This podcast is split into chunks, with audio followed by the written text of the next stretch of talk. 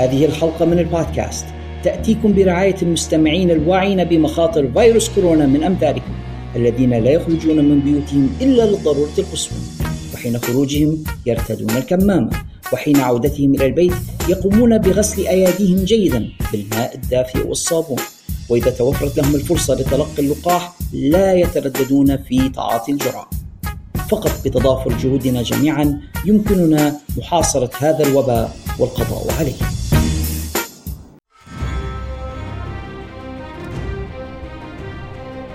كلنا لديه ذلك الصديق وفي حالة أصدقائي الشخصيين فأنا هو الذي ما أن نخبره عن حماستنا لمشاهدة فيلم أو مسلسل ما حتى يبتسم باستهزاء ليخبرنا بأن الكتاب الذي استوحي منه الفيلم أو المسلسل أكثر تسلية وبه تفاصيل وأحداث أكثر ليتركنا نتساءل أين يمكننا الحصول على ذلك الكتاب؟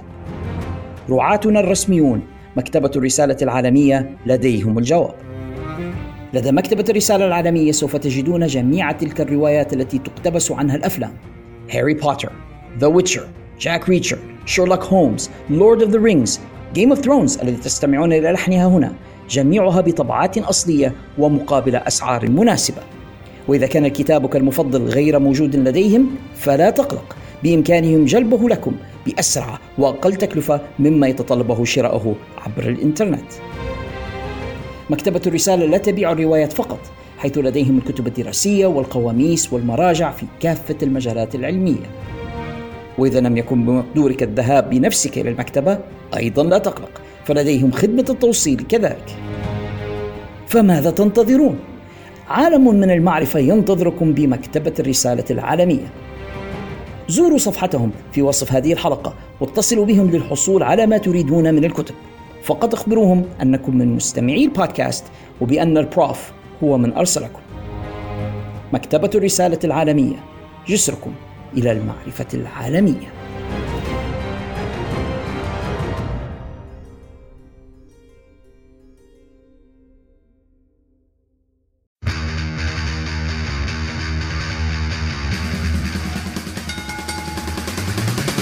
أقوى المواجهات وأكبر النزالات. كلها تجري في مكان واحد في الحلبة. البرنامج الإذاعي الأول في ليبيا والوطن العربي لمصارعة المحترفين وفنون القتال المختلطة. في الحلبة. تغطيات تحليلات وأخبار من مختلف الاتحادات حول العالم. في الحلبة. مع عمر رقيح! وعلى أشري The best there is, the best there was, and the best ever will be. And that's the bottom line. The Stone Cold said so. It's showtime, folks!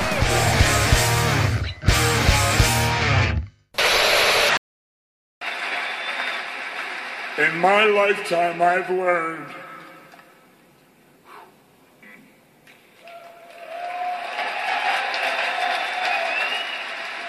hard work pays off. Dreams come true. Bad times don't last, but bad guys do.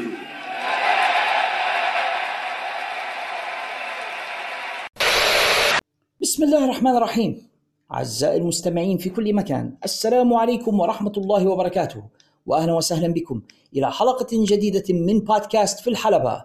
In the Ring Where It Matters. تأتيكم كما العادة من استديوهات منزل المتواضع في عنزارة من طرابلس الليبية معكم من هناك محدثكم The Prof. علاء الشريف. في بعض الأسابيع ألقي نظرة على الملاحظات التي قمت بتجميعها منذ الحلقة الماضية وتساءل كيف سوف أخرج منها مادة تكفيني لتقديم حلقة مسلية مدتها ساعتان أو أكثر. الفترة الماضية كانت تطغى على الأخبار قصة ال build up الممل إلى WrestleMania الغريب لهذه السنة وكنت حقيقة أنتوي أن أقدم حلقة أتكلم فيها حصرا عن هذا الموضوع موضوع WrestleMania والبناء ل WrestleMania وأنتقد فيها كالعادة WW على افتقادهم إلى الخلق والإبداع ل WrestleMania لهذه السنة.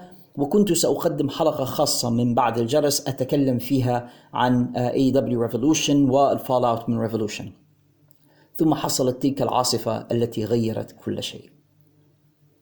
العاصفة التي تتكلم عنها طبعا ليست عاصفة الرياح الرملية التي نتعرض لها هنا في طرابلس والمنطقة الغربية الليبية هذه الأيام ولكنها عاصفة وفاة النجم سكوت هول من أكثر المهام التي لا أحب القيام بها في هذا البودكاست أن أقوم بنعي أحد هؤلاء المصارعين لا سيما منهم الذين كنت أشاهدهم وأنا طفل صغير. تعلقنا عاطفيا وقلبيا مع الكثير من هؤلاء النجوم وأصبحوا جزءا من آه، وعينا وجزء من آه، خيالنا.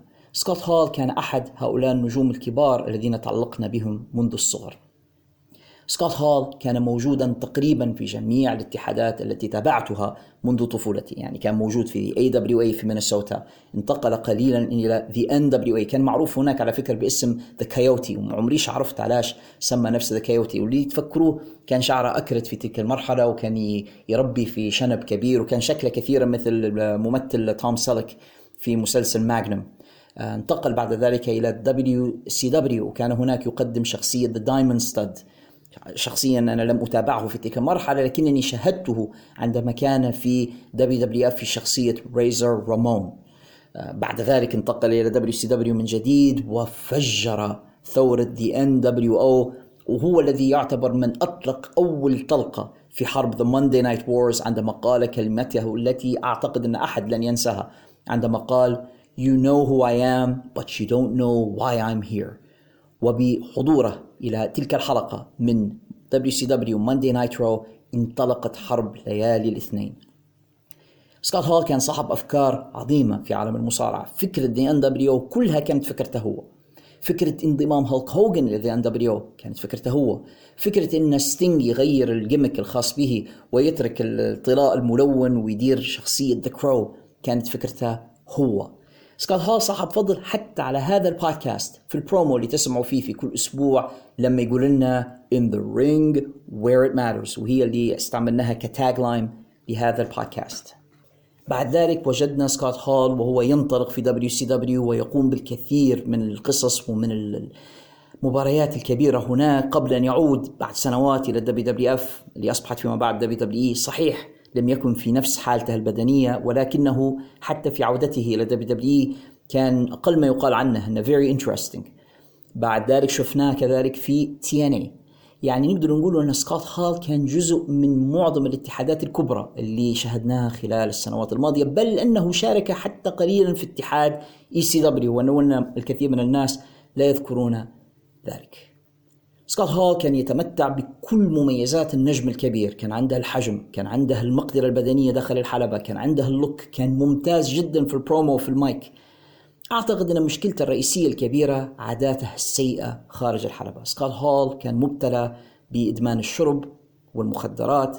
هذه الأشياء هي التي ساهمت في القضاء عليه والتسريع من نهايته. لما نشوف أن سكوت هول توفي وعمره فقط 63 سنة وهذا خاصة بمعايير هذه الأيام ليس سنا كبيرا يعني 63 يعتبر في بعض الناس ما زال في ريعان شبابه.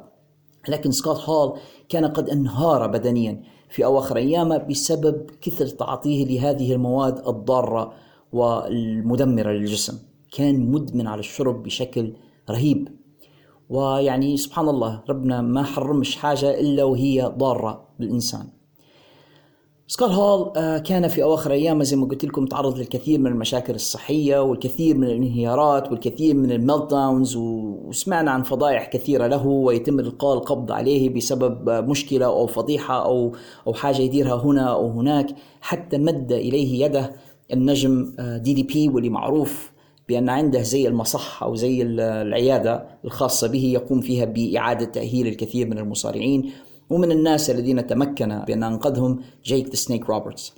حاول DDP اللي هو صديق قديم لسكوت هول أنه ينتشل سكوت من من عالم الإدمان ومن عالم المخدرات والكحول. ولكن للأسف حتى DDP بكل ما أوتي من من مهارة في هذا المجال لم يستطع إنقاذ سكوت هول الذي تعرض إلى الكثير من السكتات القلبية بسبب إدمانه الشديد المفرط على هذه الأشياء.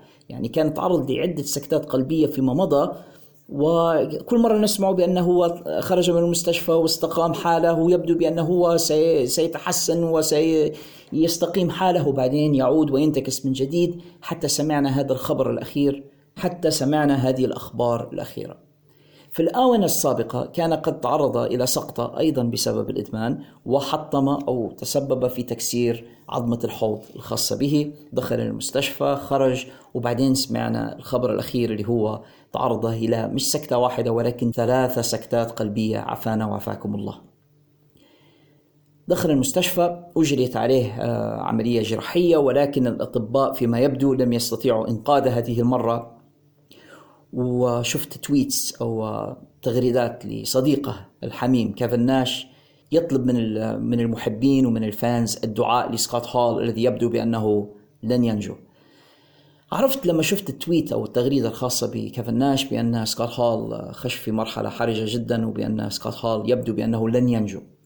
وبالتالي لم يكن من المفاجأة عندما سمعنا خبر وفاته ولكن رغم أنه لم يكن مفاجئا إلا أنه كان محزنا لنا للغاية. سكوت هول أحد أولئك النجوم الذين لم يفوزوا قط ببطولة العالم في أي اتحاد انضموا إليه وهذا كان من الغريب جدا والمستغرب. يعني هو صح في ال WWF حمل لقب the Intercontinental Championship وفي WWF وفي WCW كذلك حمل ألقاب ال tag teams ولكنه ابدا لم يحمل اللقب الكبير the big one بطولة العالم.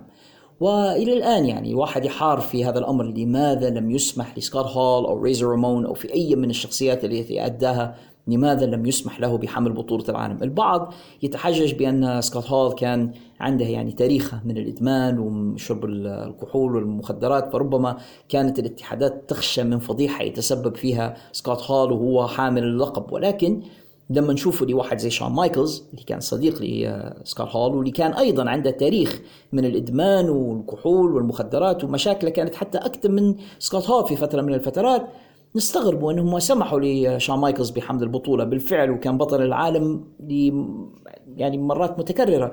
فلماذا سمح لشون مايكلز ولم يسمح لسكوت هول حيقعد هذا واحد من الألغاز التي لن أستطيع بصراحة أن أفسرها. ولكن رغم هذا نقدر نقول أن سكوت هال كان نجما كبيرا سواء حمل اللقب أم لم يحمله. يعني هو أحد أولئك النجوم والأبطال الذين لم يحتاجوا إلى لقب عالم لكي يصبحوا نجوما. سكوت هال كانت عنده زي ما قلت لكم جميع مواصفات النجم الكبير التي تؤهله أن يكون the top guy في أي شركة يلتحق بها سواء كان بطل لتلك الشركة أم لا. ويبقى في نهاية هذا الحديث القصير والمقتضب عن سكوت هول أن نحاول استخلاص عبرة وعظة من هذه القصة. نشوف بأن الشخص الذي مضى في طريق الإدمان وطريق الشرب وتعاطي المخدرات والكحول في النهاية يعني مش بس انهارت حياته لكن انهارت صحته. وفي النهاية انتهى به الأمر أن مات هذه الميتة الحزينة والمبكرة. لهذا الإنسان عليه أنه هو يحافظ على صحته يحافظ على تلك الأمانة التي استودعها الله سبحانه وتعالى عنده بأنه هو لا ينساق وراء هذه الأشياء الشرب المخدرات المنشطات كل هذه الأشياء ضارة بصحة الإنسان إضافة إلى أن الله سبحانه وتعالى حرم المخدرات وحرم كل ما مسكر وكل مذهب للعقل فعلينا نحن نأخذ العظة والعبرة برغم ما في النفس من حزن على سكوت هول ولكني أرجو أن نحن نستخلص من ذلك بعض العبرة. نجم آخر كدنا نتلو خبر وفاته في هذه الحلقة ونديروا له نعي هو الآخر النجم بيج إي الذي دائما أنتقد استخدام WWE له وأعتقد بأنهم لم يحسنوا استخدامه قط. Big E وفي حلقة سابقة من عرض SmackDown تعرض إلى إصابة مخيفة أدت إلى عافانا الله وإياكم تكسير رقبته وتحطيم عنقه. الناس اللي يقولون لنا wrestling is fake المصارعة كذب المصارعة مش حقيقية المصارعة مش جدية. وروهم فيديو إصابة Big E بيج إي في حركة كان يؤديها مع المصارع ريدج هولاند قام فيها ريدج هولاند بمحاولة أنه يدي suplex في بيج إي وقام برمية فوق رأسه. He overreached زي ما يقولوا بالإنجليزي أو كانت الحركة أكثر من اللازم ألقاه أبعد مما ينبغي وكانت النتيجة أن سقط بيج اي بدل ما يسقط على كتفيه وظهره سقط على رأسه وأدى ذلك إلى تحطيم رقبته. الإصابة كانت مخيفة جدا ويعني بيج اي يعتبر محظوظ أنه ما يزال على قيد الحياة لأن في ناس بسبب مثل هذه الإصابة يقتلون أو يصابون عافانا الله وإياكم بشلل دائم بعض الخبراء يرجعون نجاة إي إلى ضخامة عنقه وأن هذا كان السبب أنه هو قدر يستحمل السقطة بهذا الصدد لابد من نتكلم شوي عن مشكلة حقيقية موجودة في the WWE Developmental System أو النظام التطويري لاتحاد WWE ألا وهو انعدام وجود اتحادات صغيرة يستطيع فيها المصارعون تعلم هذه المهنة بالشكل المناسب. في الماضي قبل ما يتغول ال WWE ويقوم بتدمير جميع الشركات الصغيرة كان المصارعون يتلقون تدريبا أساسيا ممتازا في اتحادات مثل AWA أو the NWA أو يتلقون تدريبهم في كندا عند ستو هارت وغيرهم من المدربين الكبار قبل أن يصل إلى ال WWF لما يوصل النجم إلى WWF يكون قد تعلم المصارعة بشكل جيد تماما ونضمن بأنه عندما يدخل الحلبة ويؤدي على التلفزيون مش حيسبب في إصابة مثل التي سببها ريدج هولاند لبيج إي. الآن في زمن التيك أواي الذي نراه في عالم المصارعة فينس ماكمان يقوم بجلب المصارعين الذين لديهم ال look بين قوسين يعني عنده الشكل اللي يعجبه سواء كان bodybuilder أو آه، واحد متاع رفع اثقال أو آه، لعب football أو رجبي زي ما في حالة آه، ريدج هولاند بس لأن عنده ال look اللي يعجبه اللي يرى بأنه ينفع أن يكون به مصارع ويقوم بتدريبه بسرعة لنراه بعد ذلك سريعا جدا زي ال fast food يعني على شاشة التلفزيون ويؤدي مثل هذه الحركات التي تتسبب في إصابات خطيرة. أتذكر في هذا الصدد بيل جولدبرغ اللي يعتبر هو بالنسبة لي ال poster boy أو النموذج النمطي لهذا النوع من المصارعين. بيل جولدبرغ الآخر كان football player أعجب المسؤولون في WCW في ذلك الوقت بشكله وبالكاريزما اللي عنده. علموه المصارعة في بضعة أشهر ثم وضعوه على التلفزيون وبدأ يتسبب في الكثير من الإصابات المصارعين أبرزها الإصابة التي سببها للأسطورة بريت هيتمان هارت والتي بسببها اضطر إلى اعتزال المصارعة برمتها.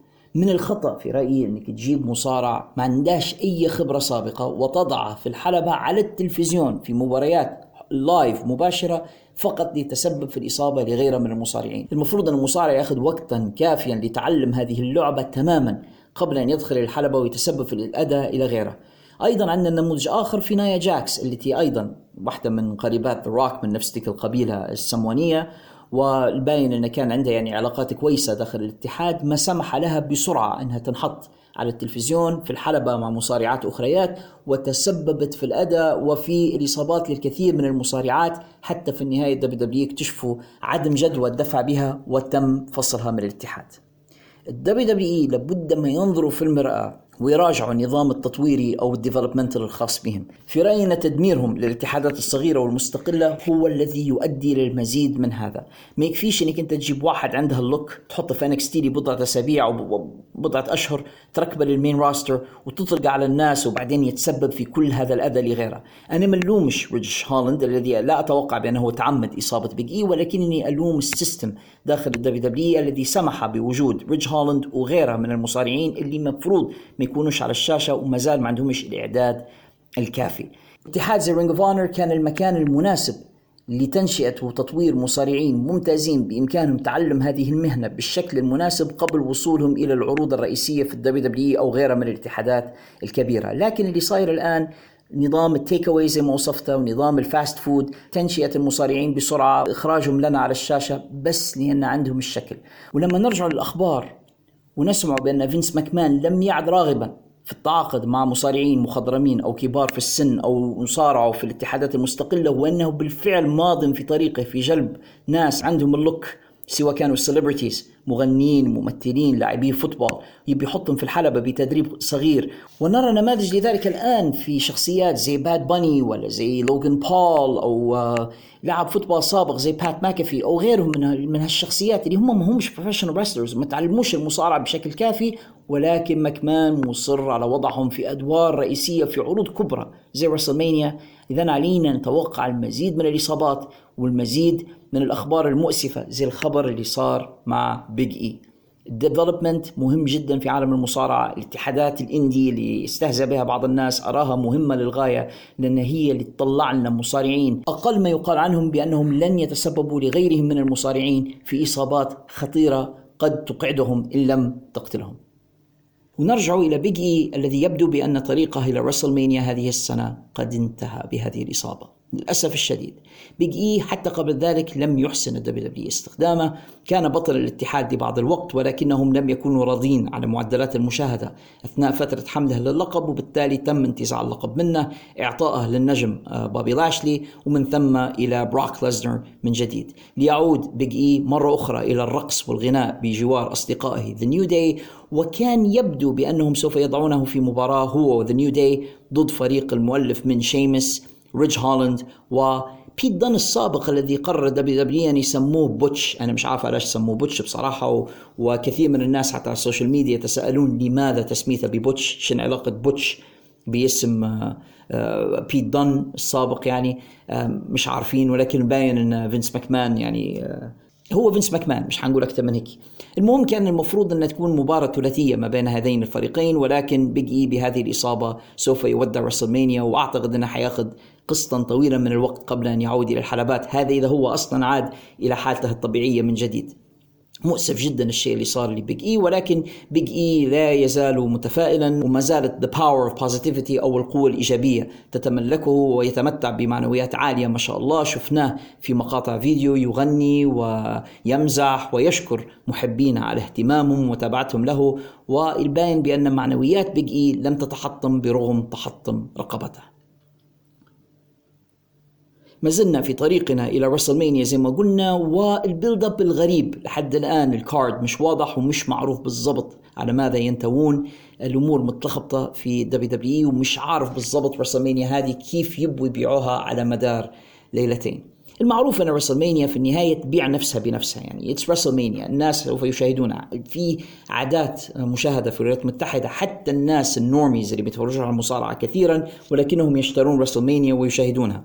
وبالتالي رسلمانيا مضمونة بالنسبة لل WWE هم عارفين بأنهم في النهاية سوف يبيعونها لكن ال build up إلى حد الآن أراه يفتقد إلى الكثير من العناصر. الباين بأنهم ماشيين في آه، طريق بطولة نسائية للفرق الثنائية وجميع المصارعات اللي مش لاقين ما يديروا بهم حاطينهم في فرق ثنائية بدون build up كبير ويقومون بإجراء مباريات ما بينهن لتحديد الفرق التي سوف تساهم. وتشارك على بطولة النساء للفرق الثنائية. موضوع ما هوش interesting على الإطلاق. ما زال ال WWE يعتمد على ال celebrities أو الشخصيات الشهيرة يريدون الدفع بلوغان بول كمشارك في رسلمانيا هذه السنة. لوغان بول وشقيقه جيك هم عبارة عن internet trolls هذا ما أستطيع وصفهما به أكثر من أي حاجة أخرى. الآن لوغان بول يريد أن يصبح ال WWE superstar ويرى بأنه ليس بحاجة إلى الكثير من التدريب. هذا يعني أمر مخيف بالنسبة لي بصراحة وسنراه في رسلمانيا هذه السنة. يريدون الدفع بالممثل جوني نوكسفيل ما زالوا مصرين على هذه القصة اللي ما لهاش أي منطق. الموضوع بصراحة مش مثير للكثير من التفاؤل بالنسبة بالنسبة لرسلمانيا هذه السنة. وال build up كلها حوالين المباراة الكبيرة ما بين بروك ليزنر ورومان رينز يعني اعتمادهم الرئيسي على هذه المباراة. المشكلة في رأيي في هذه المباراة بأن إحنا عندنا ذاكرة بالفعل ما زالت تشتغل يعني إحنا مش ناسيين إن هذه المباراه قد أقيمت بالفعل يعني شفنا بالفعل فيما مضى مباريات وليس مباراة واحدة ما بين رومان رينز وبروك ليزنر. ومش بس هيك رأينا هذه المباراة في رسلمانيا يعني هذه ليست مباراة جديدة. هذه مباراة أقيمت أكثر من مرة في أكثر من مناسبة في أكثر من حدث حتى خلال هذه السنة. شفنا بروك ليزنر ضد رومان رينز وبالتالي محاولة إنهم هم يبيعون هذه المباراة على انها أكبر مباراة في تاريخ المصارعة وبأن مثلها لم تقم من قبل. أنا مش فاهم بالضبط ال WWE شنو هو اللي يتعاطوا فيه بالضبط. يعني انهم بيحاولوا يقنعونا بأن هذه المباراة the biggest match in the history of wrestling إنها أعظم مباراة في تاريخ المصارعة. لا أرى كيف هي كذلك. ولكن سنرى كيف سيحاول ال WWE إقامة وعقد هذه المباراة بحيث تكون أفضل من سابقاتها. ممكن العنصر الوحيد المثير فيها من وجهة نظري دور بول هيمن هذه المرة أن بول هيمن كان في فترة مع بروك وبعدين مع رومان بعدين عاد إلى بروك والآن هو مع رومان وسنرى ما هو الدور الذي سوف يؤديه the wise man في هذه المباراة. هل بول هيمن سيقلب على رومان رينز من جديد ويعود إلى بروك وتكون هذا هو آه، مفاجأة رسلمانيا هذه المرة أم أنه سيبقى وفيا لرومان رينز اللي أكيد بأن بول هيمن سيؤدي دورا رئيسيا في هذه المباراة وأعتقد أن عامل بول هيمن هو العامل الرئيسي في هذه المباراة. عدا ذلك أنا مش شايف الكثير في مباراة بروك ليزنر ورومان رينز اللي هم يبوها مباراة زي ما تكلمنا عليها في حلقة سابقة من البودكاست توحيد للألقاب. يعني حيصبح عندنا 1 undisputed uh, champion أو بطل uh, من غير منازع في اتحاد WWE وأخيرا لأن بصراحة أنا شايف أن موضوع بطلين في الاتحاد كان مرهق لنا وأنا عامة ضد فكرة الإكثار من الألقاب في نفس الاتحاد فأرى بأن بطل واحد في الاتحاد يكفي وأكثر من من كافي بصراحة. لكن عدا ذلك أنا مش شايف الكثير في هذه المباراة يجعلني أتطلع لمشاهدتها. واحدة من العناصر التي طال الحديث عنها لرسلمانيا هذه السنة موضوع مشاركة ستيف أوستن في العرض لهذا العام. كان في كلام على إن ستيف أوستن تم التعاقد معه بالفعل للمشاركة في مباراة في رسلمانيا وبعدين تبين بأن هذه المباراة المفروض أن تكون ضد كيفن أوينز. بعدين سمعنا تقارير بأن ستيف أوستن لا يريد المشاركة في المباراة، يعني هو يريد ربما المشاركة في فقرة حوارية يظهر فيها في العرض ولكنه لا يريد المشاركة في مباراة، وبعدين أظهرت التقارير بأن مشكلة أوستن مش المباراة ولكنه يريد الفوز وأنه لا يريد المشاركة ليخسر. بينما مسؤولي WWE يريدون أن يشارك ليخسر لحساب كيفن اونز وهذا الأمر الذي رفضه ستيف أوستن. وهناك كثير من الشد والجذب في هذا الموضوع لدرجة إني شخصيا فقدت اهتمامي بالأمر. يعني أنا الآن لم أعد مهتما سواء شارك أوستن ولم يشارك بسبب كثرة الشد والجذب حوالين الموضوع. لكن آخر الأخبار الآن تقول بأن ستيف أوستن بالفعل يستعد ويهيئ نفسه للمشاركة في العرض بأكثر من مجرد فقرة حوارية. أو إنه بس يدير Stunner ويطلع من الحلبة يبدو بان أوستن يستعد لاخذ بعض ال bumps يعني يستعد إنه هو يتلقى بعض الضربات في الحلبة. هل معنى ذلك بأن ستيف أوستن سوف يشارك في مباراة ضد كيفن اونز أم لا؟ لحد الآن هذا الأمر مازال مش معروف. وأعتقد بأن هذا booking سيء من WWE بصراحة لأنهم إلى الآن لم يستطيعوا أنهم هم يبيعوا للناس الفكرة التي سوف يقوم عليها WrestleMania، هل سنرى مباراة يشارك فيها ستيف أوستن أم أنه مجرد فقرة حوارية في كيفن اونز show ويدور فيها بعض الضربات؟ الموضوع لم يعد بالنسبة لي يعني على الأقل مثير للاهتمام برغم أنني من محبي ستيف أوستن وكنت أتمنى أن أراه في WrestleMania والحق أنا كنت أتمنى أن أرى ذلك منذ سنوات وليس الآن ولكن بهذا ال build up وبهذا التضارب في الآراء لم أعد مهتما بالأمر بصراحة. واحدة من القصص التي طال حولها الجدل في الفترة الأخيرة موضوع كودي رودز منذ أن غادر كودي رودز اتحاد AEW هناك الكثير من الشد والجذب والأخبار المتعارضة حوالين وجهة كودي المقبلة. في البداية كنا سمعنا أخبار بأنه ذاهب بالفعل إلى WWE وبعدين تأخر ذلك. وكانت أكثر التوقعات أننا سوف نراه في حلقة Raw التي كانت مقامة في جاكسونفيل فلوريدا وعندما لم يظهر هناك عادت الأخبار المتضاربة من جديد. الآن مايك جونسون من ProWrestling.net يؤكد بأن كودي كان قد وقع بالفعل عقدا مع الاتحاد وبأنه سوف يظهر إما قبل WrestleMania بقليل أو في ليلة WrestleMania نفسها وبأن خصمه المفترض في العرض سيكون سيث رولينز شخصيا أنا خايب أملي في WWE وفي طريقة تعاملهم مع كودي، المفروض نجم كبير زي كودي وخاصة وهو على أعقاب مغادرة الاتحاد الآخر AEW المفروض إنه يحظى ب build up جيد وبأنه عندما يشارك في WrestleMania إنهم يظهروه قبل ذلك بوقت كافي ويعطوه build up ويعطوه storyline ويبنوا لنا القصة بشكل جيد بحيث الناس تهتم بمشاهدة هذه القصة. أما إنهم هم فجأة يطلعون كودي على الشاشة في WrestleMania نفسها كمفاجأة بدون build up وبدون story مجرد شائعة منتشرة على الإنترنت بأنه ربما سوف يظهر. أعتقد أن هذا مخيب للأمل وهذا ما يعطيناش ال satisfaction أو الرضا الذي نتطلبه من مباراة ما بين سيث رولينز وكودي اللي مش عارفين علاش سيث رولينز يواجه فيه يعني شنو العداوة وشنو ال storyline اللي ما بيناتهم. وربما كانوا هناك أناس آخرون أكثر جدارة بأنهم يواجهوا كودي لأنهم على الأقل عندهم معاه history أو تاريخ سابق. يعني لو قالوا لي أن خصم كودي سيكون راندي أورتن وإحنا عارفين أن كودي وراندي اورتن في بيناتهم تاريخ سابق كانت حتكون مثيرة. لو كان تريبل اتش صحته تسمح وداروا لنا story ما بين تريبل اتش وكودي كانت حتكون رائعة. إن كودي كان من رؤساء AEW ضد تريبل اتش اللي كان رئيس في NXT فمباراة ما بيناتهم كانت حتكون رائعة. مباراة حتى ما بين كودي وشين مكمان ربما تكون ممتازة.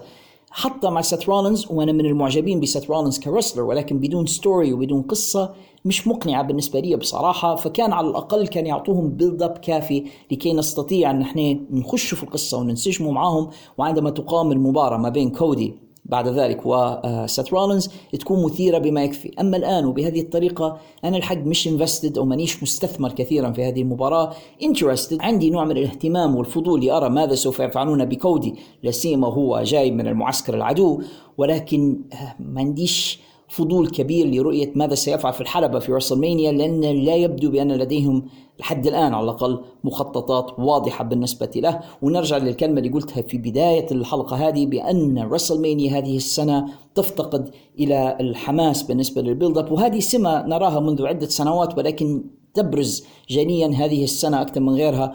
فعلا ال build up لرسلمانيا لهذا العام فوضوي ويفتقد إلى الكثير من التنظيم ومن الأفكار الجيدة وأنا مش عارف بالضبط ما الذي يجري هناك. واحدة من الأحداث التي دائما ما تكون على هامش WrestleMania صالة مشاهير ال WWE وصالة المشاهير أو The Hall of Fame عادة من الأحداث التي تحظى مني أنا شخصيا بكثير من الاهتمام مرات أكثر حتى من WrestleMania لأننا نرى فيها تكريما للنجوم الكبار الذين مهدوا الطريق إلى العصر الذي نحن فيه الآن هناك كثير من النجوم الذين لم يدخلوا Hall of Fame من قبل ويكون دائما من المثير للاهتمام أن نرى حفل تكريمهم وتقديمهم إلى هذه الصالة. لحد الآن تم الإعلان عن تقديم الأسطورة اندرتيكر بجدارة واستحقاق وسمعنا عن خبر تقديم الأسطورة الآخر بيج فان فيدر. الحق أنا سعيد جدا بتقديم بيج فان فيدر إلى آه، صالة مشاهير WWE وأرى بأنه كان من أوائل إن لم يكن أعظم super heavyweight في تاريخ المصارعة. جمهور المصارعة الآن والشباب اللي ما عصروش بيج فان فيدر ربما مش عارفين شنو الموضوع ولكن فيدر كان من أوائل المصارعين العمالقة الذين يتمكنون في نفس الوقت من القيام بحركات أكروباتية غريبة. عندما نرى مصارعا يربو وزنه على ال 400 باوند أو يزيد ويستطيع مع ذلك القيام ب moonsaults وبحركات هوائية سريعة كان غريب جدا بيج فان فيدر. وفيدر كان يعني عايش ال gimmick متاعه بمعنى الكلمة كان ما يتكلمش يرتدي ذلك القناع المخيف على وجهه. وهو موجود في الكثير من القصص ومن المباريات الأسطورية اللي محفورة في الذاكرة. يعني اللي بيرجع ويشوف تاريخ بيج فان فيدر خاصة في WCW يقدر يشوف مباريات الكبيرة مع ميك فولي واحدة منهم انتزع فيها أذن ميك فولي. نعم يعني تسبب في أن أذن ميك فولي تمزقت وسال منها الدم وكاد يعني يفقد فيها ميك فولي آه، مقدرته على السمع. واحدة من المباريات المخيفة للغاية. بيج فان فيدر كان موجود في مباريات رائعة مع ستينج في بداياتها في WCW وكانت مباريات يعني strong style قبل ما نسمع مصطلح strong style ستينج وبيج فان فيدر خاض مباريات رائعة وقاد الامر فيما بعد إلى صداقة حقيقية ما بين الرجلين في الحياة الواقعية. وكان ستينج واحد من الناس اللي موجودين مع فيدر في أيامه الأخيرة. نتفكر له أيضا مباراة رائعة ضد ريك فلير في ستاركيد سنة 93 وكانت من أجمل المباريات مش بس في سيرة ريك فلير على الأقل ولكن لو تسألني عن my top 10 matches of all time ربما نحط المباراة هذه ما بيناتهم. فيدر ضد ريك فلير في ستاركيد 93 مباراة من المباريات الأسطورية الخالدة.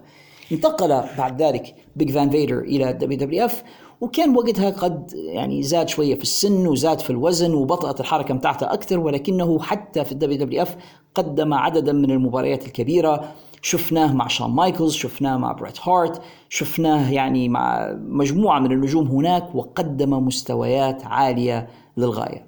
فيدر أتذكره أيضا من مسلسل كنت أشاهده في طفولتي مسلسل اسمه Boy Meets World مش عارف لو كان بعضكم يتذكره أم لا ولكن فيدر أدى دورا في هذا المسلسل. كان والد أحد الشخصيات في المسلسل. وكان أول مرة نسمع فيدر فيه يتكلم يعني كإنسان عادي. وربما ظهور فيدر في ذلك المسلسل من أوائل المرات اللي انتبهت فيها بأن شخصيات المصارعين على الشاشة ليست هي نفس الشخصيات الحقيقية لأني كنت مستغرب أن فيدر اللي في شاشة ال WWE أو WCW وحش وما يتكلمش وعنده manager لا رأيناه في المسلسل يؤدي دورا لإنسان طيب وودود ولطيف يعني. فاكتشفت بأن الشخصية الحقيقية لفيدر ليست مثل شخصيته داخل الحلبة وكانت من أوائل المرات اللي انتبه فيها إلى ذلك يعني في طفولتي. الحق فيدر أحد أولئك الأساطير الذين كانوا يستحقون دخول صالة المشاهير منذ سنوات منذ فترة. ولكنه لم يحظى بتلك الفرصة وتمنيت أنه يتحصل عليها في حياته. لأن فيدر كان قد رحل عن دنيانا منذ آه، بضع سنوات. تمنيت أنه هو كان على قيد الحياة ليحضر ويرى هذا التكريم بعينيه ولكن للأسف الشديد كانت حالته الصحية قد ساءت كثيرا في السنتين الماضيتين و يعني توفي ورحل عن علمنا. وبالتالي فإن فيدر لن يكون معنا ليحضر حفل التكريم ولكن يستحق فيدر وبجدارة أن يكون عضوا في صالة مشاهير WWE ولكن شخص لا أعتقد بأنه يستحق الدخول ومع هذا سوف يتم تقديمه إلى الصالة هذه السنة شارميل. من هي شارميل؟ شارميل هي زوجة بوكرتي. وبس. ما هيش قادر نفكر أي حاجة لشارميل تؤهلها لدخول صالة المشاهير الخاصة بال WW أو بمصارعة المحترفين بصفة عامة؟ هي كان كل دورها في المصارعة إنها كانت واحدة من the Nitro Girls في فترة من فترات في WCW وال Nitro Girls هم عبارة عن cheerleaders أو مشجعات يؤدين حركات راقصة ما بين فقرات العروض. تزوجها بوكرتي وبعدين أصبحت هي الفالي أو المرافقة لبوكرتي إلى الحلبة. شاهدناها في بعض ال storylines مع بوكرتي كأنها ال manager الخاصة به وخلاص. لا أدري ما هي تلك الإسهامات التاريخية اللي قدمتها شارميل إلى عالم المصارعة التي تشفع لها أن تصبح عضوة في صالة المشاهير عدا كونها زوجة لبوكرتي باستثناء لو قلنا أنها امرأة وإنها سمراء البشره وبالتالي ال WW قاعدين يلعبوا the race card أو قاعدين يحاولوا إنهم يردوا الجمعيات المدافعة عن حقوق المرأة والجمعيات المدافعة عن حقوق السود في أمريكا أنها قدمنا نجمة آه، سمراء إلى صالة مشاهير الخاصة بنا وبالتالي فنحن نقوم بتكريم النساء وتكريم الأمريكان من ذوي الأصول الأفريقية. ما عدا ذلك بصراحة شارميل ما عندهاش أي دور بارز في تاريخ المصارعة وإذا كانوا يريدون تكريم امرأة فهناك نساء أخريات في عالم المصارعة قدمنا الكثير والكثير وأكثر من شارميل يعني. نقدر نسمي الكثير منهن ممكن هيك واحدة تجيب بس on the top of my mind ومستغرب إلى حد الآن عدم تقديمها للصالة نجمة زي ليزا ماري فاران اللي هي فيكتوريا أو تارا في TNA من المصارعات الرائعات بصراحة في تاريخ المصارعة واللي غيرت الكثير في تاريخ اللعبة. وقدمت الكثير والكثير إلى حتى سن متقدمة. كون أنهم هم يتجاهلوا نجمة زي فيكتوريا بما لديها من إسهامات ومن تاريخ في المصارعة ويقدموا شارميل كعضوه في صالة المشاهير أمر غريب للغاية ولكن يبدو بأن تملق بوكرتي اللي تمكن من دخول صالة المشاهير مرتين مرة بنفسه ومرة مع أخوه في فريق هارلم هيت والآن تدخل زوجته يبدو بأن التملق والنفاق يمكن أن يوصلك بعيدا في عالم المصارعة وفي مجالات أخرى الحقيقة في الحياة. ولكن هذا ليس مجال الحديث عن ذلك. من الناس الذين تدور الشائعات عن احتمال انضمامهم إلى صالة المشاهير هذه السنة النجم سايكو سيد. ومن الغريب أنه كان قد سئلت عن سايكو سيد أو سيد فيشس أو سيد جاستس في حلقة سابقة من البودكاست في حقيبة الرسائل من أحد الأصدقاء. سايكو سيد أو سيد فيشس أو سيد يودي وهذا اسمه الحقيقي واحد من العمالقة في تاريخ ال WWF و WCW نجم كبير بالفعل وأنا مستغرب عدم تقديمه إلى صالة المشاهير لحد الآن. إذا تم تقديمه فهو حيكون تقديم عن جدارة واستحقاق واحد من النجوم الكبار في تاريخ المصارعة واحد من أفضل العمالقة اللي نشوفهم داخل الحلبة برغم طوله الفارع وضخامته اللي تفترض إنه هو يكون بطيء الحركة إلا أنه كان يتحرك زي cruiserweight برغم هذه الضخامة وكان يمتلك جميع مقومات النجم الكبير. سيد فيشس إذا تم تقديمه لصالة المشاهير حيكون بالفعل تقديم عن جدارة وعن استحقاق. ولكن واحد من الأسماء اللي أنا سأكون مستغربا هو الآخر. لو تمكن من دخول صالة المشاهير هو سكوت ستاينر.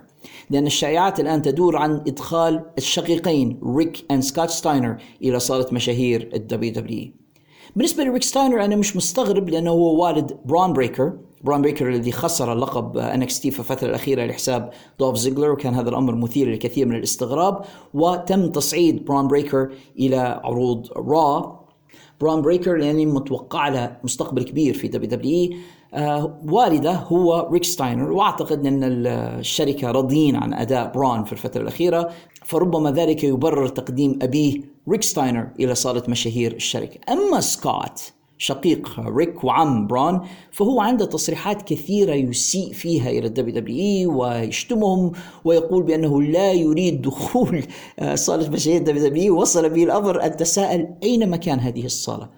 هذه صالة وهمية. هذه موجودة فقط في خيال فينس ماكمان آه لو لو لها مكان يعني موجود ومعروف ربما كان يسعدني دخولها ولكن هذه الصالة غير موجودة. هذه صالة وهمية. ربما كانها على القمر وعلى المريخ. عندما يضعون لها مكانا ويصبح لها عنوان سأدخل تلك الصالة. أما الآن فأنا لا أريد دخول صالة فقط موجودة في خيال فينس ماكمان هذا الكلام اللي قاله سكوت ستاينر. وسكوت ستاينر عموما معروف بتصريحاته المثيرة للجدل والبعض منها يعني تتحول إلى بروموات وإلى memes حتى على وسائل التواصل الاجتماعي.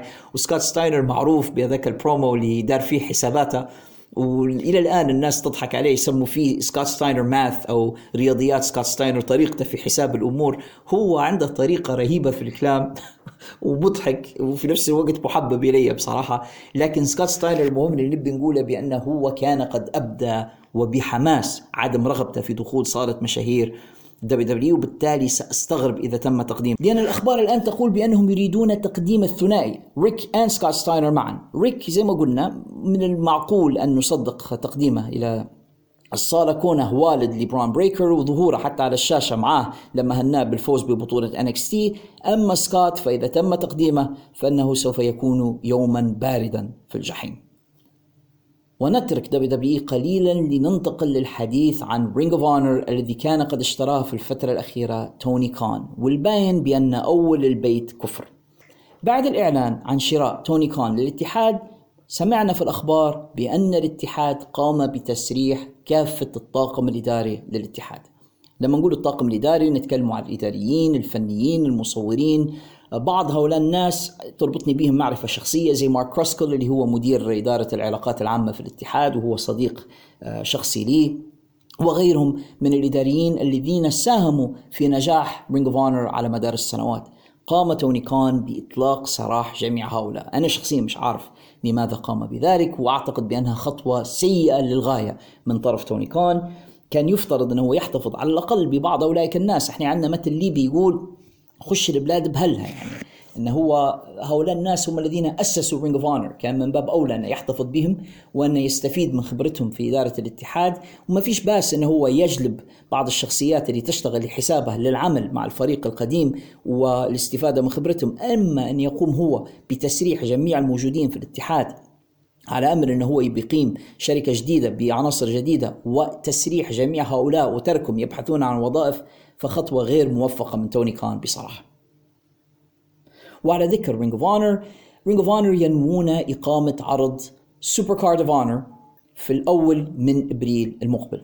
كان Ring of Honor قد أعلن عن إقامة هذا العرض قبل شراء توني كان له وبالتالي وجد توني كان نفسه ملتزما بإقامة هذا العرض الذي تم الإعلان عنه بالفعل. لحد الآن ال card أو قائمة المباريات الرئيسية مش معروف للجمهور باستثناء مباريات قليلة تم الإعلان عنها كان أحدها تلك المباراة التي طال انتظارها مباراة فريق FTR ضد فريق The Briscoe Brothers. وهناك كلام كثير عن هذا الموضوع. يبدو بأن هناك مسؤولين في Warner Brothers الشركة التي تقوم ببث عروض AEW معترضون على مشاركة The Briscoe Brothers في عروض AEW السبب تصريحات مسيئة كان قد أطلقها جي بريسكو أحد الشقيقين Briscoe Brothers في وسائل التواصل الاجتماعي ضد الناس اللي من فئة المثليين.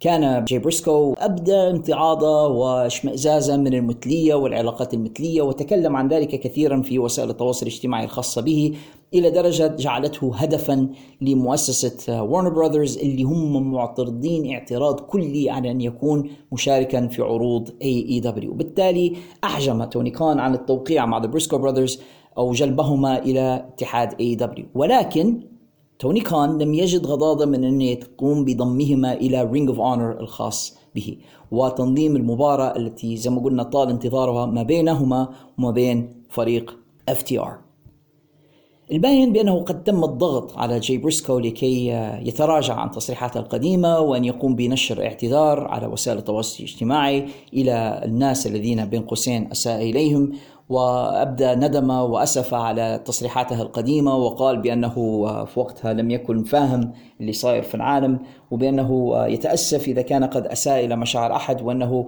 فقط يريد أن يصارع.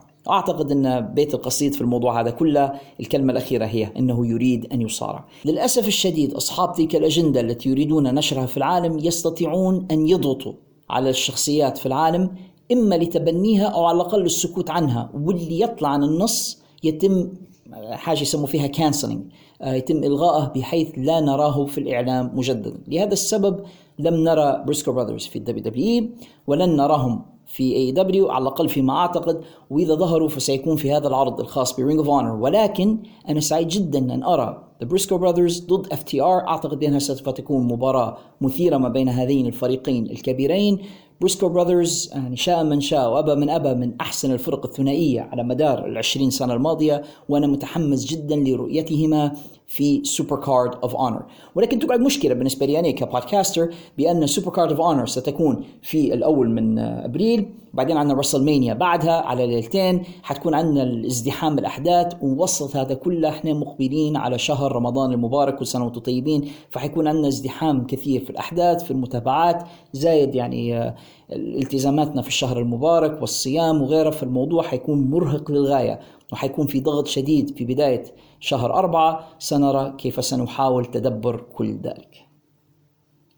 هذه كانت أخبار المصارعة اللي عندي لهذا الأسبوع. أعزائنا المستمعين أرجو أن تكونوا قد استمتعتم بها. سنأخذ فاصلا قصيرا وعندما نعود سوف يلتحق بنا صديقنا الظاهرة خالد الشريف حيث سوف أقوم وإياه بتحليل أحداث عرض AEW Revolution وأناقش معه بعض الأحداث والمستجدات في عالم المصارعة في AEW والاتحادات المستقلة. فانتظرونا.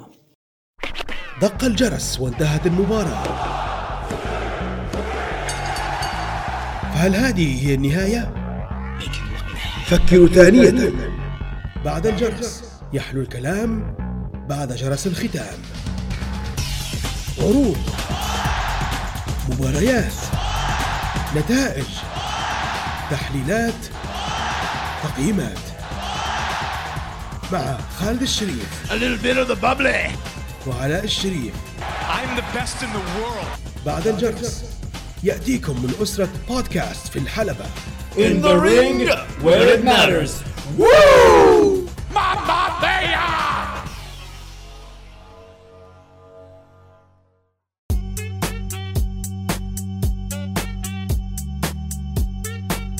ورجعنا لكم أعزائنا المستمعين وحلقة هذا الأسبوع من بودكاست في الحلبة In the Ring Where It Matters ويلتحق بنا الآن صديقي وصديقكم The Phenomenal خالد الشريف. خالد كيف حالك اليوم؟ بخير ولله الحمد. شنو أخبارك؟ ماشي الحمد لله.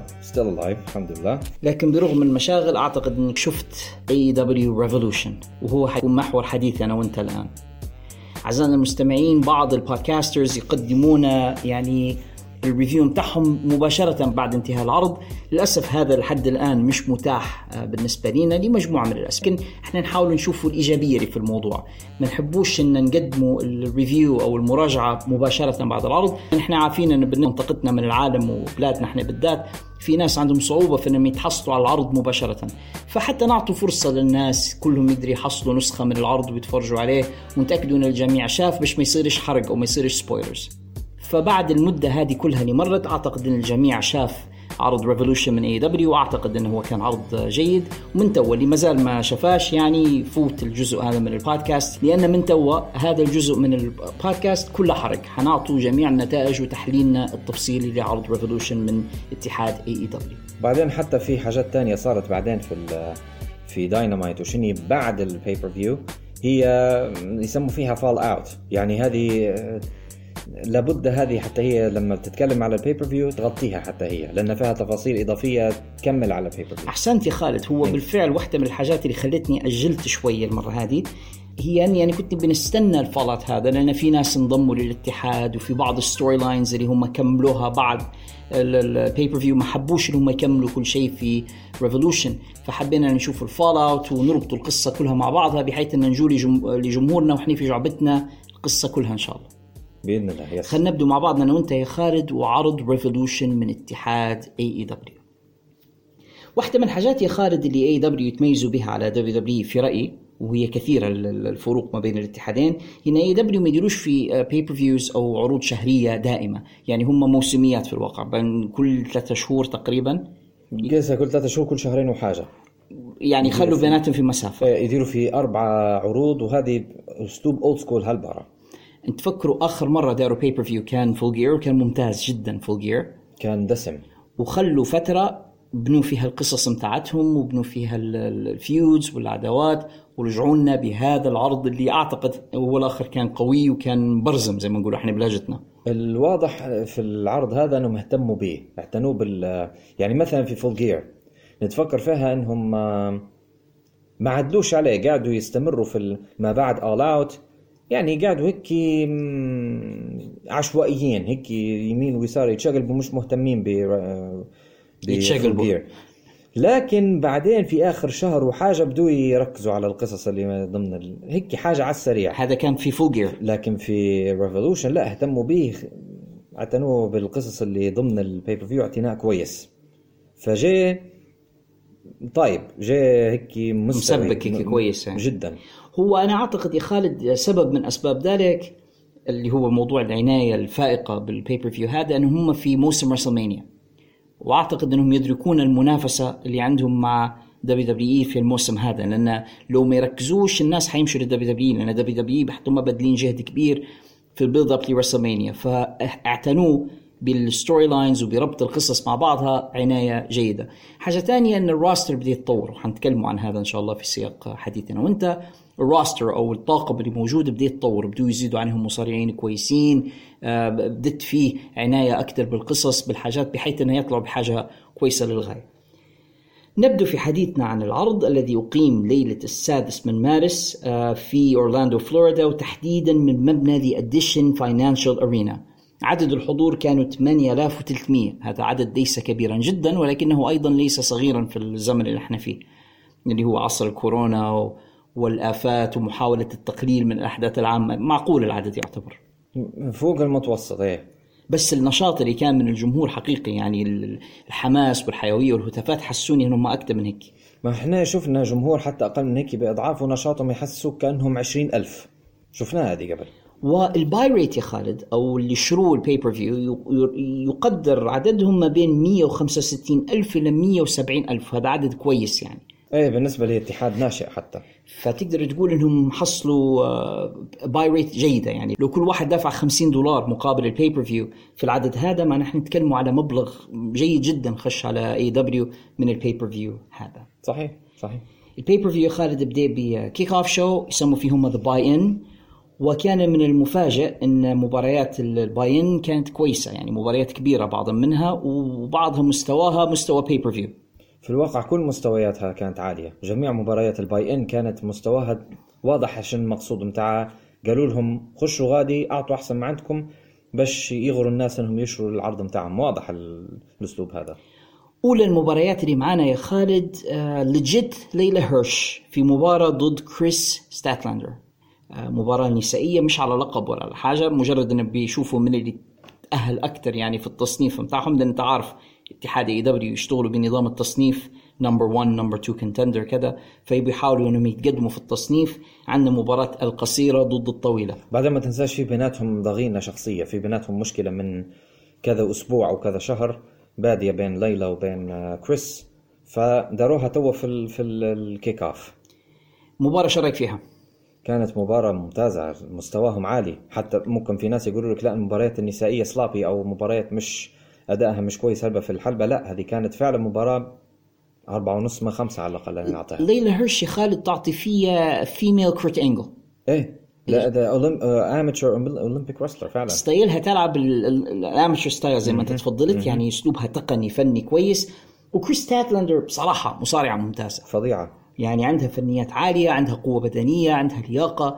المباراة بيناتهم كانت كويسة وطويلة نسبيا بالنسبة للمباريات النسائية. يعني قعدوا حوالي 10 دقائق 9 دقائق و50 ثانية بالضبط لكن المباراة انتهت بفوز ليلى هيرش هو مش طبعا هو مش فوز مستحق هي غشت هي استخدمت حاجة زي عارف هيك زي زي زي الحديدة ضربتها بها بال- بالخونة يعني فازت لكن كان الأداء نفسه في الحلبة رائع.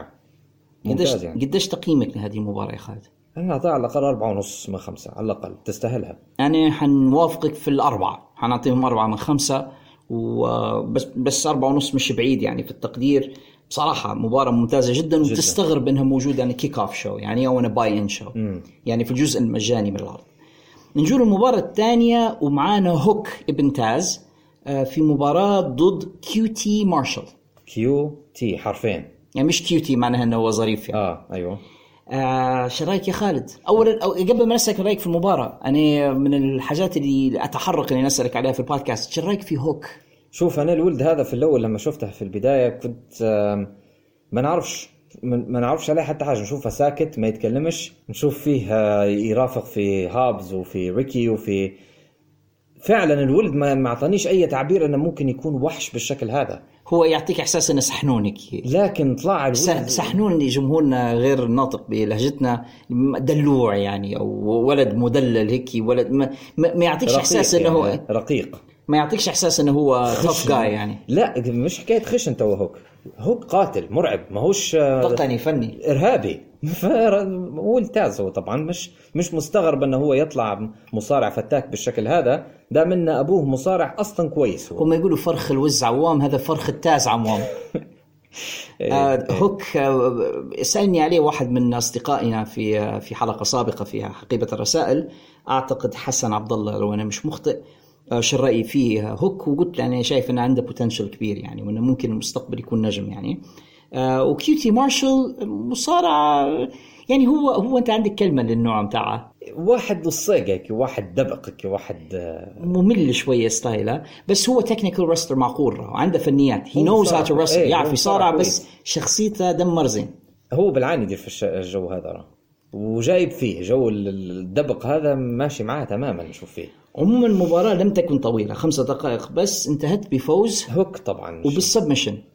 آه ال- الولد زي ما قلت لك هذا المفروض اي دبليو فعلا يعتنوا به ويركزوا عليه أكثر شوية من بعض الناس الثانية اللي عندهم غير ذكر أسماء توا. فعلا عنده مستقبل باهر لو يستمر هيك أنا نشوف إنه ممكن ينجح نجاح غير غير متوقع. قديش تقييمك هذه المباراة؟ مم، 73 لأنها كانت آه، مسح آه، مسح أرض الحقيقة يعني. هو هوك رفع المستوى. كيوتي مارشال ما يعجبنيش آه، كثيرا لكن حتى كيوتي أعطاه يعني مباراة جيدة. Yes. وهوك بصراحة هو اللي أعطاه أعطاه الإضافة لهذه المباراة. مباراة كويسة جدا. نجو الآن لمباراة لما شفتها في قائمة المباريات استغربت جدا من إنها في ال kick-off لأن الناس اللي فيها نجوم كبار. ومع إنها هي في ال buy-in show أو في ال kick-off show أعطوه مباراة مستواها عالي جدا. الفريق the House of Black اللي هو مالكاي بلاك برودي كينج وبادي ماثيوز آه، ضد فريق باك بنتا أوسكورو وإيريك ريدبيرد. إيريك ريدبيرد يا خالد اللي هو إيريك روان. من دبليو دبليو إي. اللي اللي كان في عصابة زمان آه، براي وايت وكان معاهم برودي آه، برودي لي الأول. برودي لي قبل ما المهم يعني كانوا كانوا في العصابة هذه قبل يعني إيريك ريدبيرد. فالمباراة فيها نجوم واستغربوا جدا لما يحطوها في المباراة المجانية يعني. واضح زي ما قلت لك هي سياسة متاع يبغوا يغروا الناس بشراء العرض. شو رايك في ال gimmick اللي خش بيه أليكس أبرهانتس آه هبل عمر خالد.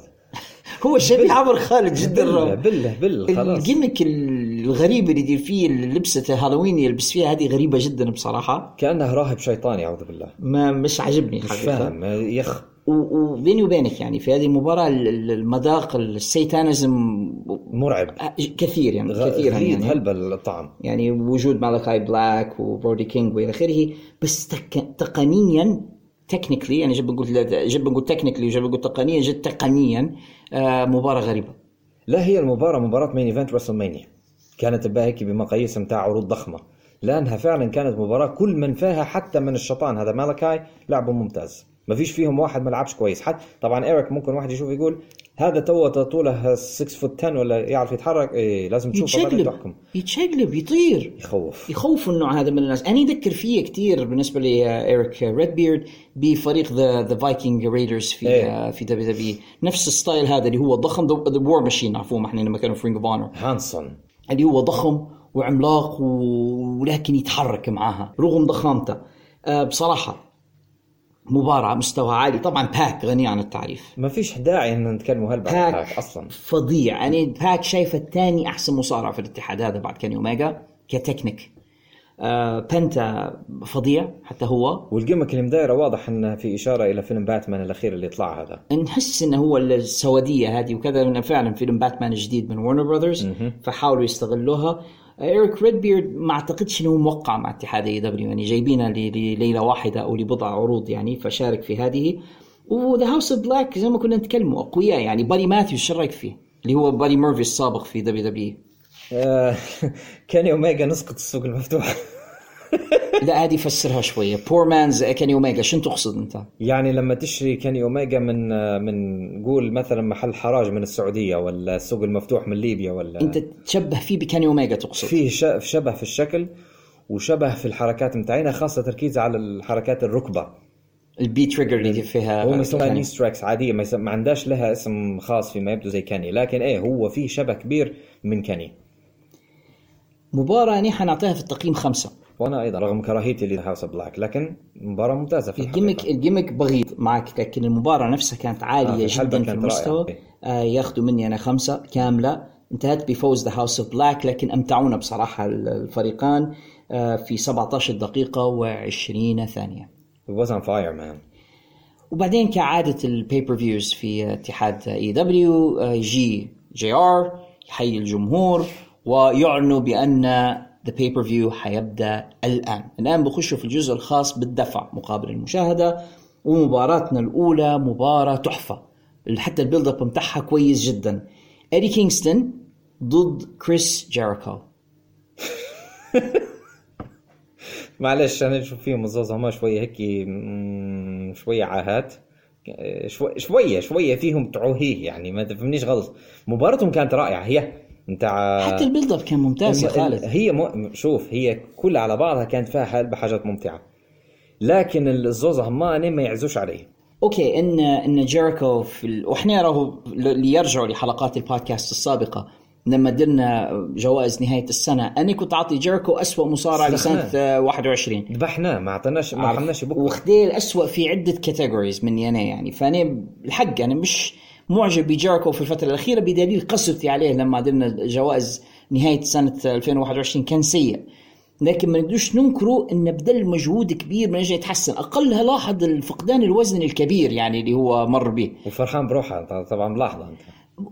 وحق له. يعني أنت لو تدير before and after picture ليه تقول شخص ثاني صح. ضعف بشكل كبير. ضعف طبعا هذه بلهجتنا إحنا في طرابلسيه آه، في مصر يقولوا خاسس. وباقي اللهجات ما نعرفش يعني نقص وزنه أنقص وزنه أنقص وزنه بشكل يعني. كبير آه، يعني ده بالنسبة. لكريس جيريكو إيه. هو مش بس الرجيم ما دام إحنا جينا على السيرة كريس جيريكو كما يعني مصادري تاكد لي توقف عن الشرب لأن جيريكو كانت عنده مشكلة شرب الكحول بكثرة وهذا اللي كان مسبب له انتفاخ الوجه وزيادة في الوزن وانتفاخ الجسم والكرش وهذا كله من. الشرب. بالله. فهو هي هاد اللي يقولوا له بالإنجليزي health scare مر بوعكة صحية مخيفة.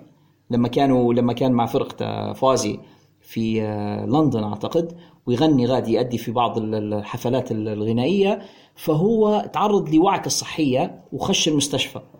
ويبدو بأنهم قالوا له خلاص الشرب لازم تبطل يعني. بطل إيه. وإحنا كنا تكلمنا في بداية الحلقة يعني عن سكوت هال وكيف إن إدمان الشرب هو الذي أدى به في النهاية لوفاته يعني. فيبدو ان جيريكو ادرك الدرس هذا أدرك خطورة الشرب. وسبحان الله ربي ما حرم الشيء إلا يكون فيه مضرة للناس. سبحان الله. وتشوف الفرق لما كريس جيريكو توقف عن الشرب نقص وزنه بشكل كبير. طبعا معها رياضة أكيد ومعها حمية بس واضح إنه هو اشتغل على روحه. ومستواه أيضا تحسن. ثاني قريب بيولي زي ما كان آه، لما AEW كيف انطلقوا يعني. كان مستواه كويس في ذيك المرحلة. وحيكون لينا معاه وقفة لقدام إن شاء الله. جيريكو إيدي كينغستون فيه ميزة خالد وأنت نفسك يعني أظني وفقني فيها يعني. لما تكلمنا خارج الهواء أنت نفسك قايلها إنه هو believable هو تحسه لما يتكلم ياخذ المايك ويتكلم إنه هو حقاني ما يمثلش. وال realism اللي هو فيها حتى لما يخش للحلبة. ما هوش متقيد بحركات استعراضية معينة ولا بوقفات معينة ولا بمشيه معينة. يخش هيك كيف ما اتفق. مش راندي أورتن. مش اللي لازم يوقف ويبوظ يفتح درعانة وكذا. أنا قديش تغيظني في المصارعة؟ يبدأ حد المفروض إنه جاي للحلبة زعلان. يبي ينتقم من خصمه مثلا. لازم يوقف ويبوظ ويفتح يديه ويبتسم وكذا. خلاص على طول انت طلعتني من الموقف. لما درت هيك I'm out of the moment لما تبدأ تمثل. انت لما قلت راندي اورتن تذكرت رومان. لما يقعد 10 دقائق في الخشوش. أو خشة رومان أو علي أوه. ايدي كينغستون يحسك إن أنا هنا أنا هنا نبي نضربك. gonna kick your فإدي believable بالنسبة لي أنا. واحد من المصارعين اللي نحسه real person القصة بيناتهم زي ما كنت حكيت أنا في الحلقة الماضية من البودكاست إن جيريكو وادي كينغستون النزاع بيناتهم بدا على موضوع سانتانا أورتيز. سانتانا أورتيز هل يقعدوا مع جيريكو في The Inner Circle ولا يعودوا إلى ادي كينغستون اللي كانت لهم به علاقة في الإنديز في السابق. الموضوع تطور إلى تحدي ما بين الاثنين. جيريكو بدأ يقول لي ادي كينغستون ما تقدرش تغلبني. I'm the big one. أنا المباراة الكبيرة. And you cannot win the big one. ولو غلبتني حنصافحك ونبين لك احترامي ليك. لكن لو ما قدرتش تغلبني a loser. أنت عبارة عن آه، خاسر أو فاشل. خاسر فاشل إلى آخره. فهذا التحدي ما بين الرجلين. تحسهم كانوا يتعاركوا ما كانوش كانوا يتصارعوا. شجار هيك مش مش مباراة wrestling match feels like a pit fight مش كأنها professional wrestling. في رأيي خالد مش عارف توافقني أو لا يعني نبي رأيك هذه واحدة من أحسن مباريات جيريكو قاطبة أحسن مبارياته في AEW لا مش موافقك. كانت مباراته مع آدم آدم بيج أحسن منها. اللي هي أول مباراة لي مع آدم بيج على بطولة العالم أول مباراة بطولة عالم هذيك كانت ممكن أحسن مباراة ليه قد يعني هذا رأيك بس أنا بصراحة ك ك realism وكمباراة believable أدي كينغستون مع جيريكو أعطونا مباراة رائعة. ما بين الاثنين بصراحة. جيريكو كان خبيث فيها طبعاً. وتخنزر زي عادته ده العفروت هذا. واللي أعطاني شوية الإحساس ستيف أوستن في في في عزه يعني بتاع ال redneck اللي هو طبعا ادي مش redneck لكن فكرة ابن الشعب الشخص العادي. اللي يتعارك هيك ويفاتل في الناس هيك ويتقاتل معهم وشني وكانت المفاجأة أن ادي كينغستون هو اللي فاز. لكن هل التزم جيريكو بالوعد؟ لا. ما التزمش. طبعا. انتهت المباراة في 13 دقيقة و40 ثانية. مباراة كانت كويسة جدا ما بين الاثنين. فاجأني بصراحة فوز إيدي كينغستون. أنا حنعطيها في التقييم أربعة ونص. نفس الشيء. مباراة ممتازة جدا ما بين الاثنين. وقصتهم مستمرة ولينا معها زي ما قلنا وقفات. نجو الآن لمباراة بطولة الفرق الثنائية. هي مباراة فرق ثنائية ثلاثية. يعني كيف؟ يعني ثلاثة فرق حيتنافسوا ضد بعضهم على نيل آه، بطولة الفرق الثنائية. شخلوبية عارف لكن آه، هذا اللي صار. عندنا فريق Jurassic Express اللي هم Jungle Boy and Luchasaurus أبطال الفرق. حيدافعوا على لقب ضد المتحديين فريق reDRagon اللي هم Bobby Fish and Kyle O'Reilly اللي هم كانوا The Undisputed Era في NXT وبعدين عندنا فريق The Young Bucks Matt Jackson and Nick Jackson يعني Ring of Honor guys يا جماعة Ring of Honor أنت تقصد على المتحديين؟ طبعا. صح كلهم Ring of Honor guys ومعهم برا المسكين براندن كاتلر. آه يسخف. يسخف فعلا كيف يدلوا فيه. آه عندنا ثلاثة فرق يمتازوا بثلاثة أساليب مختلفة. عندك أنت فريق reDRagon أسلوبهم أرضي أكثر آه تقني فني آه سواء Bobby Fish ولا Kyle O'Reilly عندك The Young Bucks أكروباتيين من الطراز الأول. وبعدين خالد أنا أنا عارف أن البعض يستغرب كلامي لكن أنا مش معجب جدا بفريق Jurassic Express تحديدا Jungle Boy ما, ما, بحباش مع إن Jungle Boy اسلوبه زي جماعة New Japan كانت تشوف أنت كيف يصارع up close هيك زي الجماعة اللي في اليابان بالضبط. آه هيك نشوف فيها هنا Jungle Boy إحنا ديما خالد نقول ان المصارعة ثلاث حاجات. إحنا ديما نقول له look مصارعة وقدرة على الكلام. هو مصارع. بالدرجة الأولى. هو مصارع ممتاز تقنيا. ال look متاعه مش قوي وما يقدرش يتكلم. وهذا اللي بصراحة تنح- ينحي منه كثير في النقاط لما نجيني بنقيمه لسبب ما أنا مش مش معجب به. Luchasaurus مصارع ممتاز وعنده ال look عملاق وقوي لكن ما يتكلمش. و- وأسلوبه لوتشا على فكرة يعني. وهذا غريب بالنسبة لحجمه لكن انه هو مش مركزين عليه كتير مع إنه he's tag team champion مش مستغل مش مستخدمينه. هل ما بنحسش بيه مرات؟ على أي حال آه، مباراة قوية ما بين الثلاثة. كانت نارية الحقيقة. أنا حق في الحلقة اللي قبل هذه كنت توقعت إن reDRagon بيفوزوا هذا كان ممكن توقعي وفي نفس الوقت تمنيه يعني معجب بهم من ايامات Ring of Honor لكن خاب أملي هذا بفوز فريق Jurassic Express بس شفنا يا خالد في المباراة حركات مستحيلة. شفنا من The Young Bucks طبعا كالعادة حركات آه، زي العاده Young Bucks يخشوا يديروا مباراة بس بس match of the year زي زي زي كل مرة. و Jungle Boy راهو يتحرك يعني التشقليب والحركة والحاجات اللي فيها فظيعة. وفوق من تحمل يتحمل. موضوع التحمل هذا بالذات يا خالد ما انت جيت على سيرته هي واحدة من المشاكل اللي صديقنا عمر رقيع يا ربي يذكره بالخير عنده مشكلة مع Jungle Boy يقول واحد حجمه زي هذا يديروا فيه خمسة ستة فينشرات وينوض إيه. بحسب عمر وأنا موافقة هذا يخلي ال wrestling يبان fake إن المفروض واحد حجمه هيك لما تنفذ فيه finisher واحدة تقضي عليه لما ينوض منها ثاني وثالث ورابع شنو سوبرمان؟ ما هو سوبرمان. هو Jungle Boy مش سوبرمان. على أي حال هي المباراة ممتازة. يعني ما يقدرش نبخسهم حقهم فيها يعني مع إني أنا مش راضي على النتيجة. ما كنتش أتمنى إن Jurassic Express يستمروا كأبطال لكن ما يقدرش إني أبخس المباراة حقها. أعتقد إنها كانت مباراة ممتازة بعد 18 دقيقة و55 ثانية. حنعطيها في التقييم 4.5 أنا خمسة. هي فعلا من المباريات يا خالد القوية جدا يعني. وهذه الحاجات اللي يتمتعوا بها AEW إنهم هم لما يديروا pay-per-view يعطوا كل ما عندهم. صح. الآن ننتقلوا لمباراة غريبة حتى هي مباراة سلالم لتحديد حاجة مسمينها The Face of the Revolution وجه الثورة. هم قصدهم ال number 1 contender على بطولة TNT اللي يحملها آه، حتى وقتها Sammy Guevara فحطوا لنا تشكيلة غريبة حطوا لنا ستة مصارعين. آه، ما فيش بيناتهم هالتجانس لأنهم أحجام مختلفة وخلفيات مختلفة. حنمر مع بعضنا على أسماء المشاركين. عندنا Christian Cage عندنا Wardlow عندنا Keith Lee Orange Cassidy Powerhouse Hobbs and Ricky Starks ما لهمش علاقة ببعضهم لا في الأساليب ولا في الأحجام. فعلا.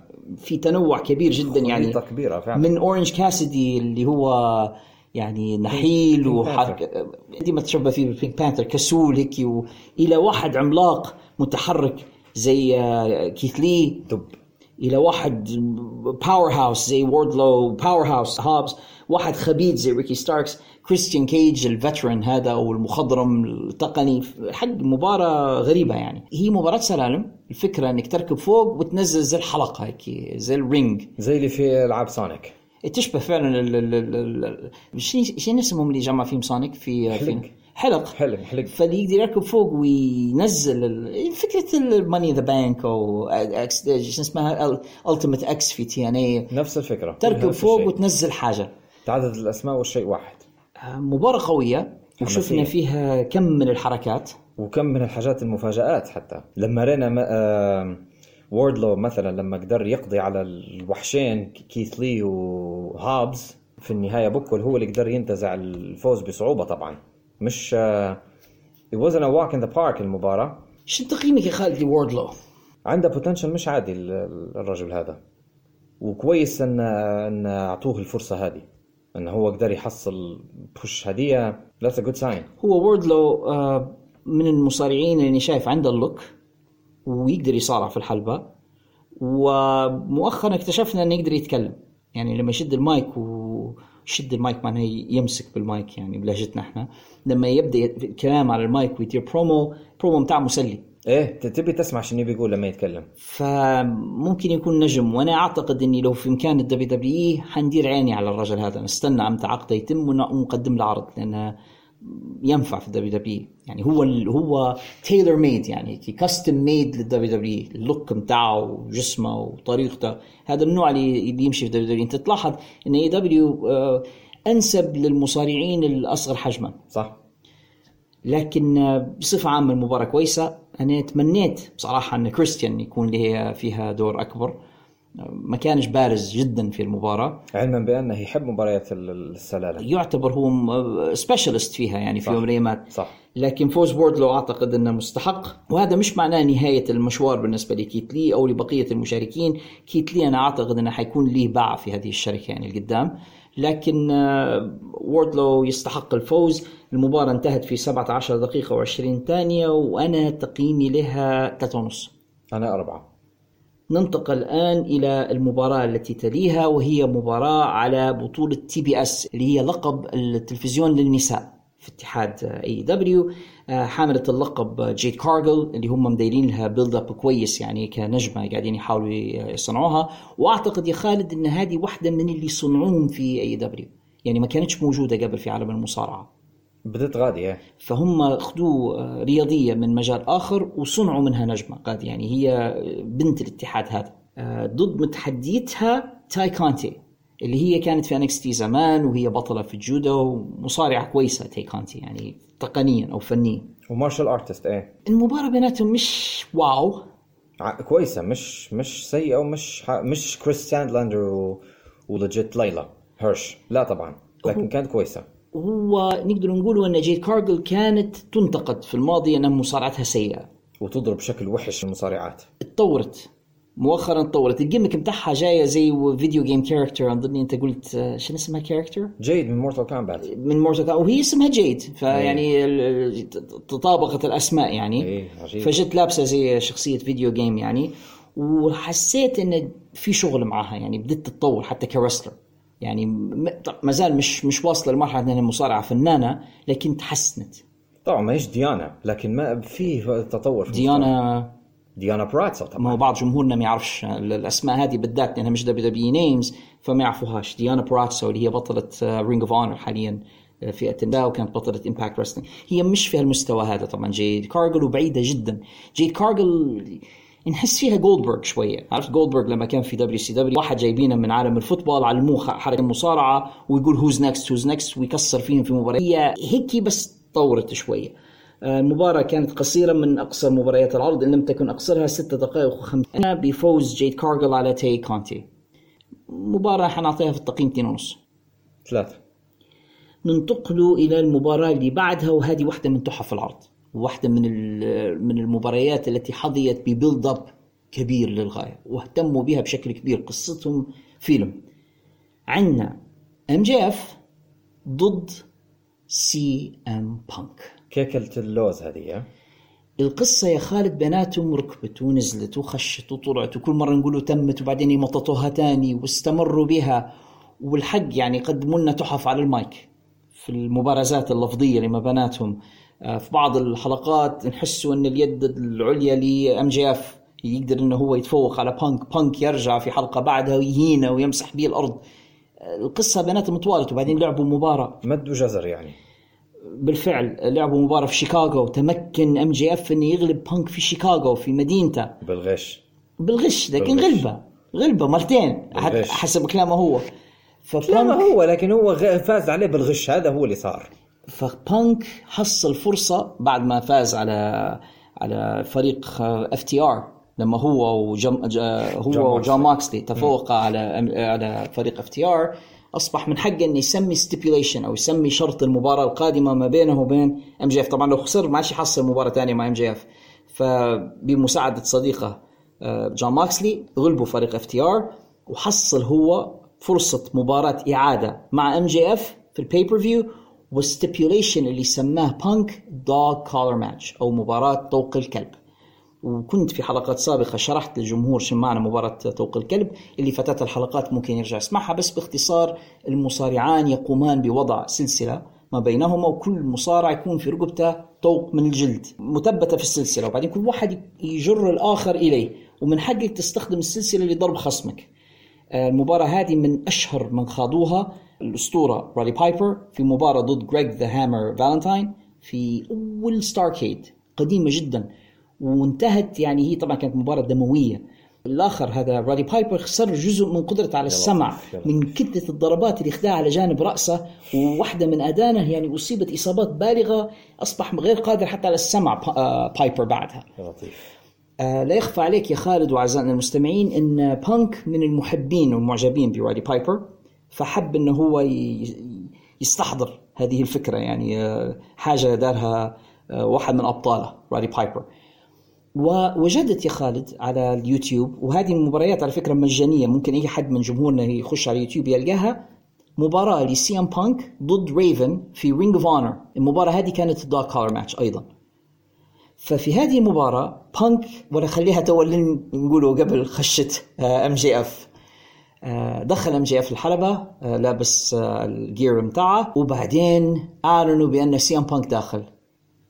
فيا خالد آه، شني حسينا في لحظة انه مش CM Punk اللي جاي حسينا إنه ممكن اندرتيكر الطريقة اللي خش بها لما ال- الأضواء الم... هو مش أضواء لما ظلمت ال- الممر متاع الحلبة والأضواء المخيفة هذيك والغبار أو الدخان وال... بعدين الموسيقى المختلفة. هذه كانت موسيقى CM Punk في Ring of Honor خلي يا خالد أنا وأنت نسمع جمهورنا قليلا من ذلك اللحن.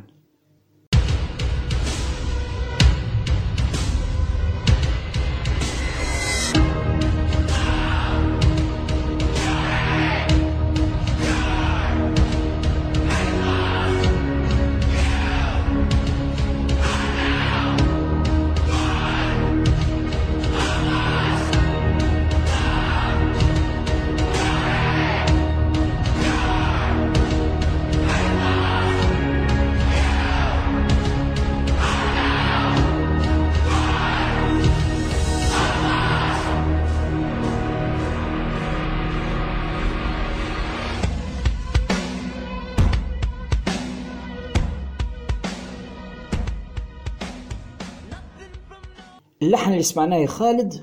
هو لحن CM Punk في Ring of Honor ال original entrance بتاعه. فدخل علينا CM Punk وهذا اللي كنت بنقوله من شوية لابس لبسته في مباراته مع ريفن ال dog collar match الشورت الطويل اللي عليه إكس إكس إكس نفس ال look نفس الهيئة بتاعته نفس الجاكيت اللي فيه التوب اللي كان يلبس فيه زمان في Ring of Honor جاب نفس الهيئة. فطبعا مع اللحن والجمهور القديم اللي حاف... اللي عارفين CM Punk من زمان كانوا يغنوا في اللحن مع بانك وبانك كان يغنيها معاهم. ف goosebumps بالنسبة لي old CM Punk fans and old Ring of Honor fans goosebumps طبعا ما ننسوش إن MJF دار شويات متاعين الحركات السخيفة متاعها أول ما جاء دار في البداية موسيقى CM Punk الحالية هذه اللي تو يخش بها. بعدين تغيرت في الوقت نفسه بسرعة وهو اللي خش الحلبة يخدع الجمهور زي العادة. لكن CM Punk فاجأني وفا- وفاجأنا كلنا لما دار موسيقته القديمه وال entrance كان شبيه جدا بأندرتيكر. الدخان والضباب والإضاءة. بشكل كبير. فعلا أعطانا إحساس إن this is a big match. المباراة يا خالد آه، أعتقد إن CM Punk طبق فيها مبدأ less is more. أقل هو الأكثر. بمعنى إن بانك نعم م- متحركش كتير زي زمان. ما يديرش في حركات خفة ومش زي المباريات اللي شفناها السابقة. أكيد مش زي جانجل بوي ولا زي The Young Bucks حركته أقل بس الحاجات اللي يدير فيها على قلتها يخلي فيها معنى لأنه هو يمثل بشكل كويس جدا في الحلبة يتحرك كويس ال sell بتاعه ممتاز آه، تنفيذ الحركات اللي نفذها ممتاز. فهو في رأيي نموذج للمصارع اللي كبير شوية في السن اللي ما زال يقدر يقدم. اللي ما زال عنده في ال tank إيه. السلسلة كانت عنصر أساسي في المباراة. أهم من أهم عناصرها مش يعني بس اساسي لما نشوفه MJF يحاول يهرب ف CM Punk يشحها أو يجبده. ي- يكون ي- يقوم بجبده يعني عن طريق السلسلة ويقوم بشنقه خارج الحلبة في أكثر من مرة. ما نقدروش ننكره بأن MJF ممثل ممتاز هو الآخر. He's a freak غير طبيعي يعني مش مش طبيعي لما. تعرف إن سنه كم؟ 25 سنة؟ ستة 26 سنة يعرف هذا كله. يعني الكم ال- المصارعه اللي شافها الولد هذا ويطبق. يعني شايف مباريات قديمة جدا رو بالنسبة لي. جاي حاجات سابقة زمنه بكتير ويطبق فيها صح في الحلبة. يعني هو old school old school old school مع على صغر السنة يعني. Made he did his homework رسمي. وقدر انه هو he hangs ب CM Punk يعني هذا أقل ما يقال. انه هو قدر يوقف مع CM Punk راس براس ويقدم لنا مباراة مسلية للغاية. القصة هذه اللي اللي كانت تو بين CM Punk و MJF قد تكون واحدة من أكبر واثرى القصص اللي ريتها تو في AEW إلى اليوم. هي كويسة جدا إنها استفاد منها MJF في رأيي. طبعاً. ومش بس MJF استفاد منها ووردلو كذلك. يعني CM Punk مش صنع نجم واحد صنع نجمين. هو ساعد الزوز ما ما نساش ووردلا صح؟ قدر إنه هو يفيد هذين المصارعين الشابين الناشئين بنجوميته هو باسمه وبتاريخه انه طلعهم وهذا يعني ممكن نقول في رأيي يعني أول نجاح لبانك في هذا في AEW يعني أول واحد اعطوه داربي. لكن داربي بعدها ما كبرش ما ولاش نجم كبير. يعني بعد يعني لعب مباراته مع بانك وبعدين عادي لما هو فيه إنه هو آه، فريق مع ستينج وخلاص. شفناه قليلا مع هابز مع باور هاوس هابز. وما شفناش بعدها هابز يعني صار منه آه، هذه أول عداوة بانك يكون طرف فيها في AEW ويصنع نجم. MJF من قبل كان نجم بس بانك أعطاه حاجة. ستينج آه كان يدير في نفس الشيء في Impact لما جاهم أول مرة في 2006 أو في 2005 كان بالإضافة إلى أن كانوا يحطوا فيه في في the top spot يعني كانوا يحطوا فيه ديما في الصف الأول من النجوم كان أيضا ستينج يساعد في النجوم الصغار. وستينج ساعد ال X Divisioners ساعدهم جدا إنهم يولوا نجوم أكبر. نجوم مشهورين تو فتبي تقول ان بانك. يدير في نفس الشيء الآن. الآن بانك يلعب في نفس الدور بنفس الطريقة. المباراة كانت ممتازة. وصلت إلى ذروتها لما آه، في لحظة بانك كان ساقط على الأرض وحاول MJF يعد عليه لكن الحكم كان ساقط خارج الحلبة زي ما يصير في العادة.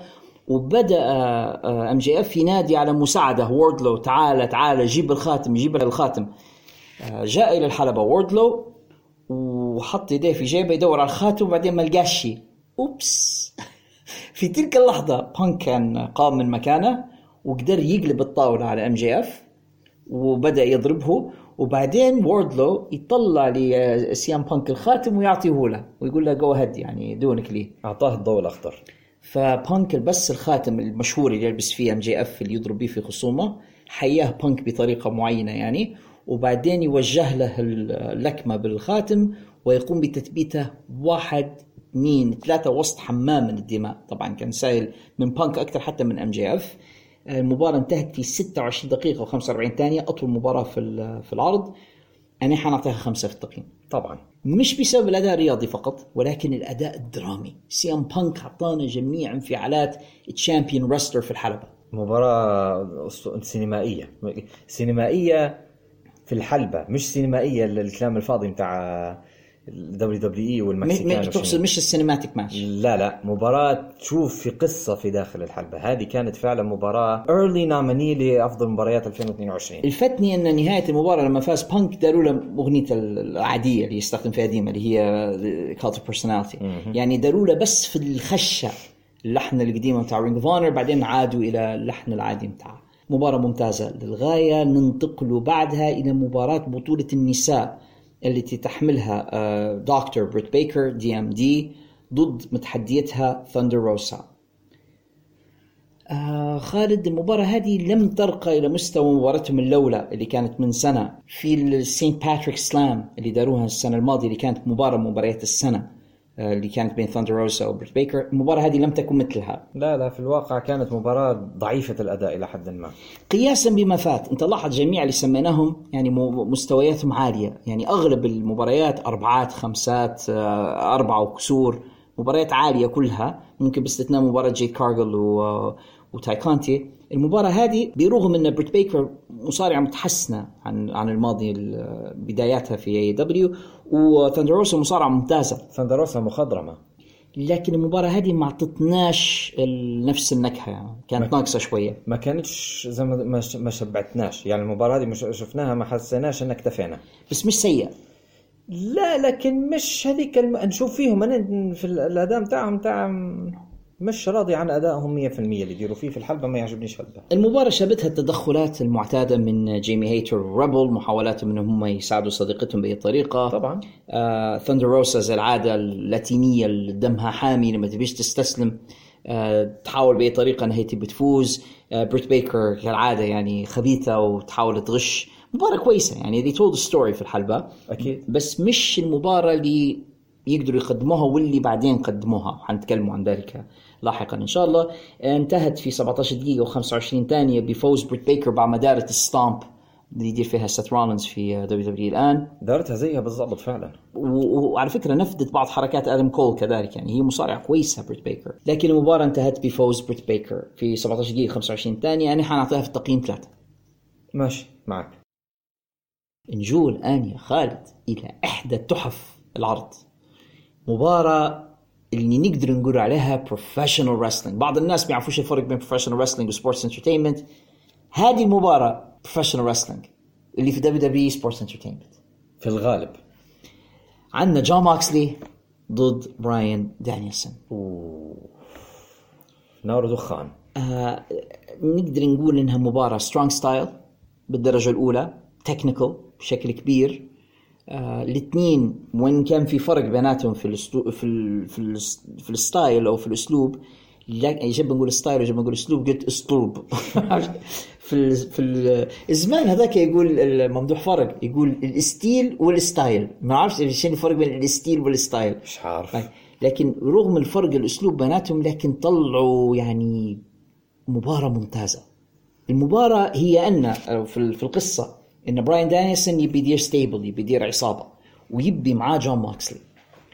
وموكسلي قال له مش حننضم لك لين تغلبني. يعني لو قدرت تغلبني بعدين ننضم لك. لكن لو ما قدرتش تغلبني فوتني خليني في حالي.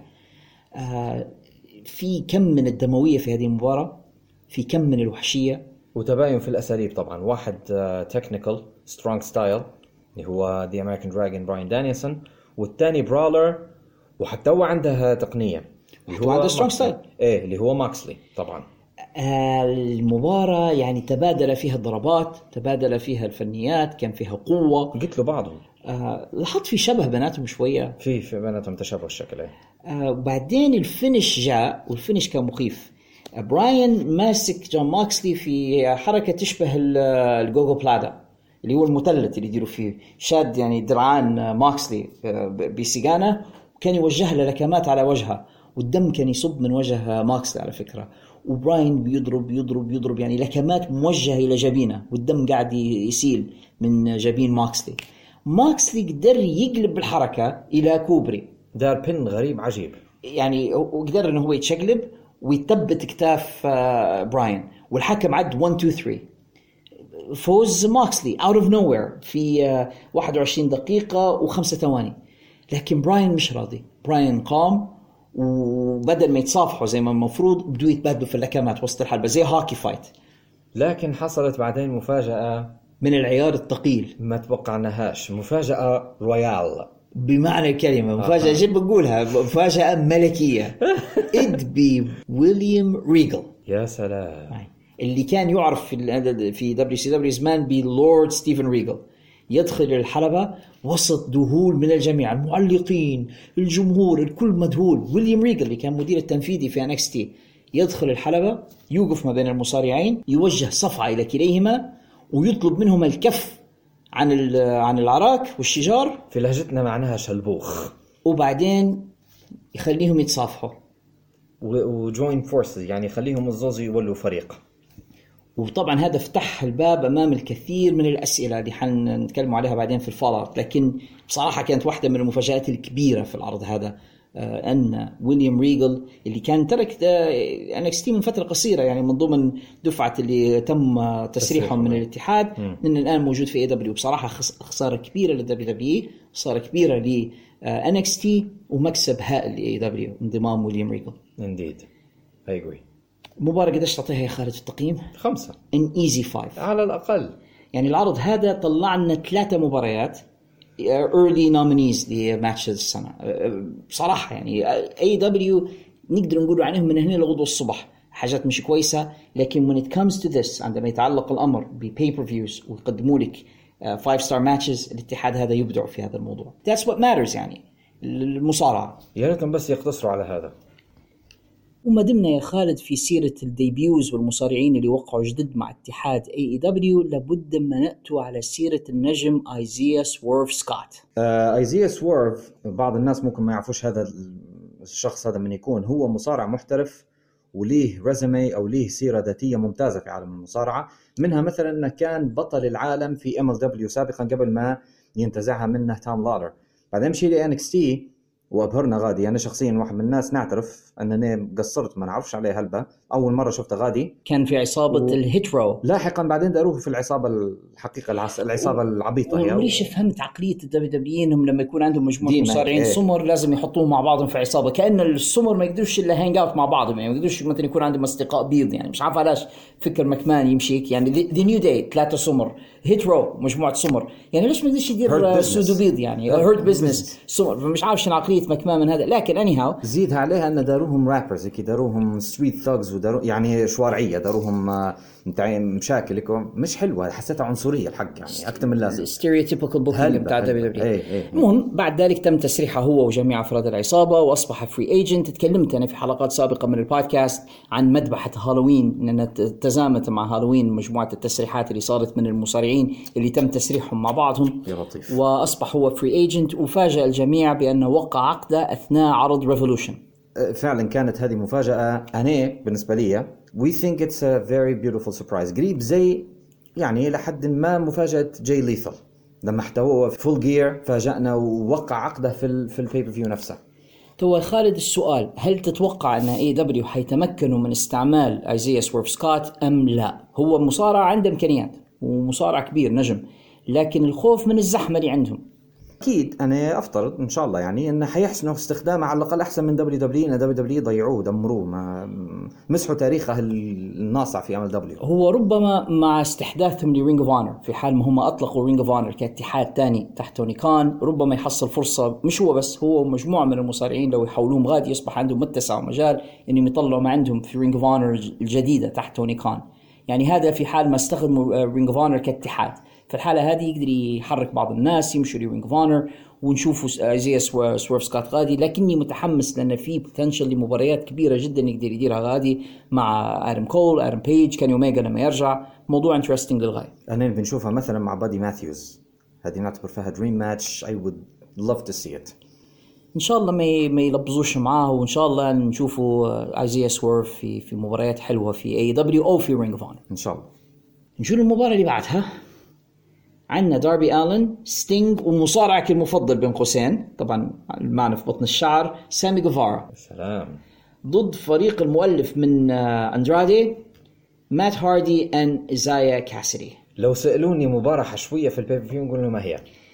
هي مش بس مباراة حشوية لو أني كنت البوكر هذه اللي نحطها في في kickoff show. لا كيف معقولة تحط ستينج في ال kickoff؟ هو ستينج بعدين حيثبت إن كلامي غلط حنتكلموا عليها بعدين. لكن هيك على الوراق هذه المباراة اللي شايفها مش pay-per-view match قياسا بالمباريات اللي كانت في ال kickoff بس آه، بصراحه يعني أنا مش من محبي سامي جوفار. يعني هذه لازم نقولها off the bat يعني هيك ما, ما يعجبنيش. same here وداربي الن برضو ما ما, ما نجحش إنه يقنعني. أنا عارف إن في ناس معجبين بداربي آه أنا نشوف فيه bland الزوز يعني زي, زي داربي زي سامي. يعني نشوف فيهم اثنين مملين. لا شوف بالنسبة لداربي he's interesting هيك شخصيته الغريبة هذه متاع يدير في حاجات ما يديروش فيها المهبلة. وبوجه بارد وبأعصاب هادية و... وبعدين السرعة اللي عنده والقوة اللي عنده على صغر جسمه وعلى ضآلته يخلع ال- ال- الدهوه أنا موافقك فيما تقول لكن مشكلتي مع داربي هي نفس مشكلتي مع جانجل بوي good wrestler لكن ما عندهاش شكل وما عندهاش البرومو. والمصارع الممتاز عندها الثلاث يقدر يتكلم ويقدر يصارع وشكله كويس. داربي جسديا ناقص كتير وهذا موضوع يقدر يتغلب عليه بالتمرين والتدريب. يعني يقدر يضخم نفسه شوي. م- واضح إنه هذا الموضوع مش في باله خالص. وهو راهو مع ستينج ستينج خبير في التمرين وفي الرياضة كان المفروض إنه هو يعرف يستفيد من هذا. والبرومو بتاعه ناقص شوي. بس كمصارع ممتاز. يعني انه احسن حتى من جانجل بوي في- في الحتة تاعهم ما زال stands out أكثر منه. قديش سنة هو يا خالد؟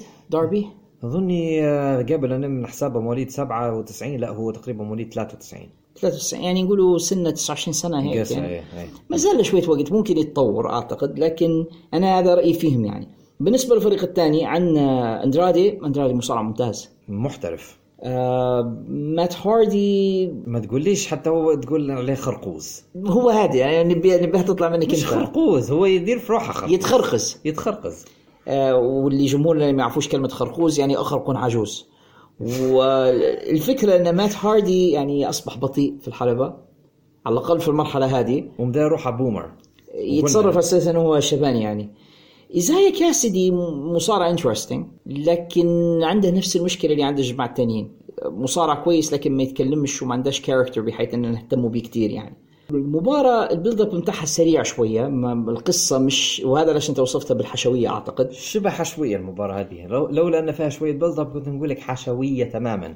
لكن فوجئنا بعدين بيكمل الحركات وستينج بصراحة مجنون. حي عليه ستينج حي. ستينج أثبت لي إن الرجل هذا يعني باين أن ف... أن عكسته مع داربي ف- فسدت عليه إنه حتى وبدا عنده death wish يعني إنه هو في لقطة صارت أثناء المباراة وأعتقد إن هذه كانت ذروة المباراة.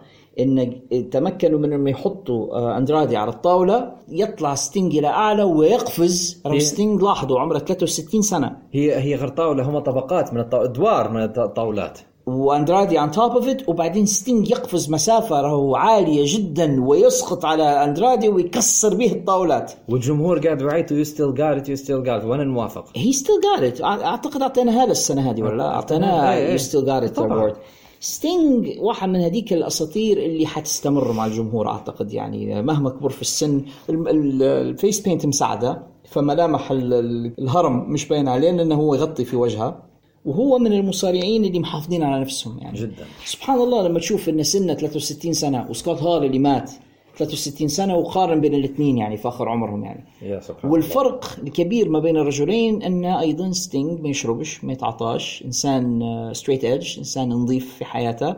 ونرى سبحان الله يعني اللي ملتزم بهذه الطريقة كيف إنه يثمر هذا في حياته وفي صحته.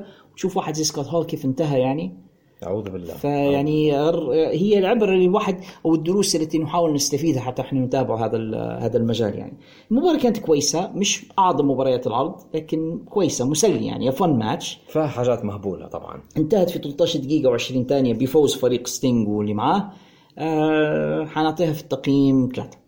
ماشي مش حخالفك لنصل الآن إلى صدام الأوادم المصارعين اللي اسمهم آدم. آدم بيج بطل الاتحاد. Hangman وآدم كول متحديه bay bay الاثنين آه، يعرفوا بعضهم من أيام Ring of Honor نجمان كبيران تقنيان بشكل كبير. آه، والآن الصراع ما بينهما على بطولة AEW للوزن الثقيل. طبعا غريب شوية إن آدم كول يتحدى على الوزن الثقيل لأنه هو مش heavyweight يعني بأي حال من الأحوال. ولكن هذا اسم الحزام يعني ال World Heavyweight Championship آدم بيج يا خالد شو رأيك فيه؟ he's total package أنا نشوف فيه آه على مقاييس بريت لما يقول لك آه الشكل والكلام والمصارعة على الأقل Hangman ياخذ ثلاث تسعات. يعني في ال look تعطيه تسعة في المصارعة تعطيه تسعة في البرومو تعطيه تسعة. على أقل تقدير خاصة في ال- في المصارعة. أنا موافقك آدم بيج أنا شايفه من أحسن مصارعي الاتحاد هذا وأنا شايف بأنه هو غير مستخدم بالشكل المناسب وديما ننتقد فيهم على هذا أنه هو بطل الاتحاد مفروض يفتحوا به العرض وينهوا به العرض وهو المحور متاع الأحداث. طالما إنه هو بطل العالم المفروض يركزوا عليه أكثر طبعا. وهو يبدو لي دائما إنه هو منسي إنه لما يتفكروا أوه عندنا بطل عالم اسمه آدم بيج ويستخدموا فيه يعني لماما ما يستخدموش فيه بشكل كبير. لكنه يبقى من من المكاسب الكبيرة للاتحاد. هذا وجود شاب زي آدم بيج كبطل الاتحاد. آدم كول في المقابل ثعلب. جدا. آه، يذكرني كثير بشون مايكلز. هو نفسه يعني يعرف الشيء هذا. آه، خبيث آه، عفريت يعرف يصارع بشكل كويس تقني فنان عنده كم من الحركات. بس هو كشخص أظن أنه أفضل من شون مايكلز في نفس لما كانوا في نفس السن.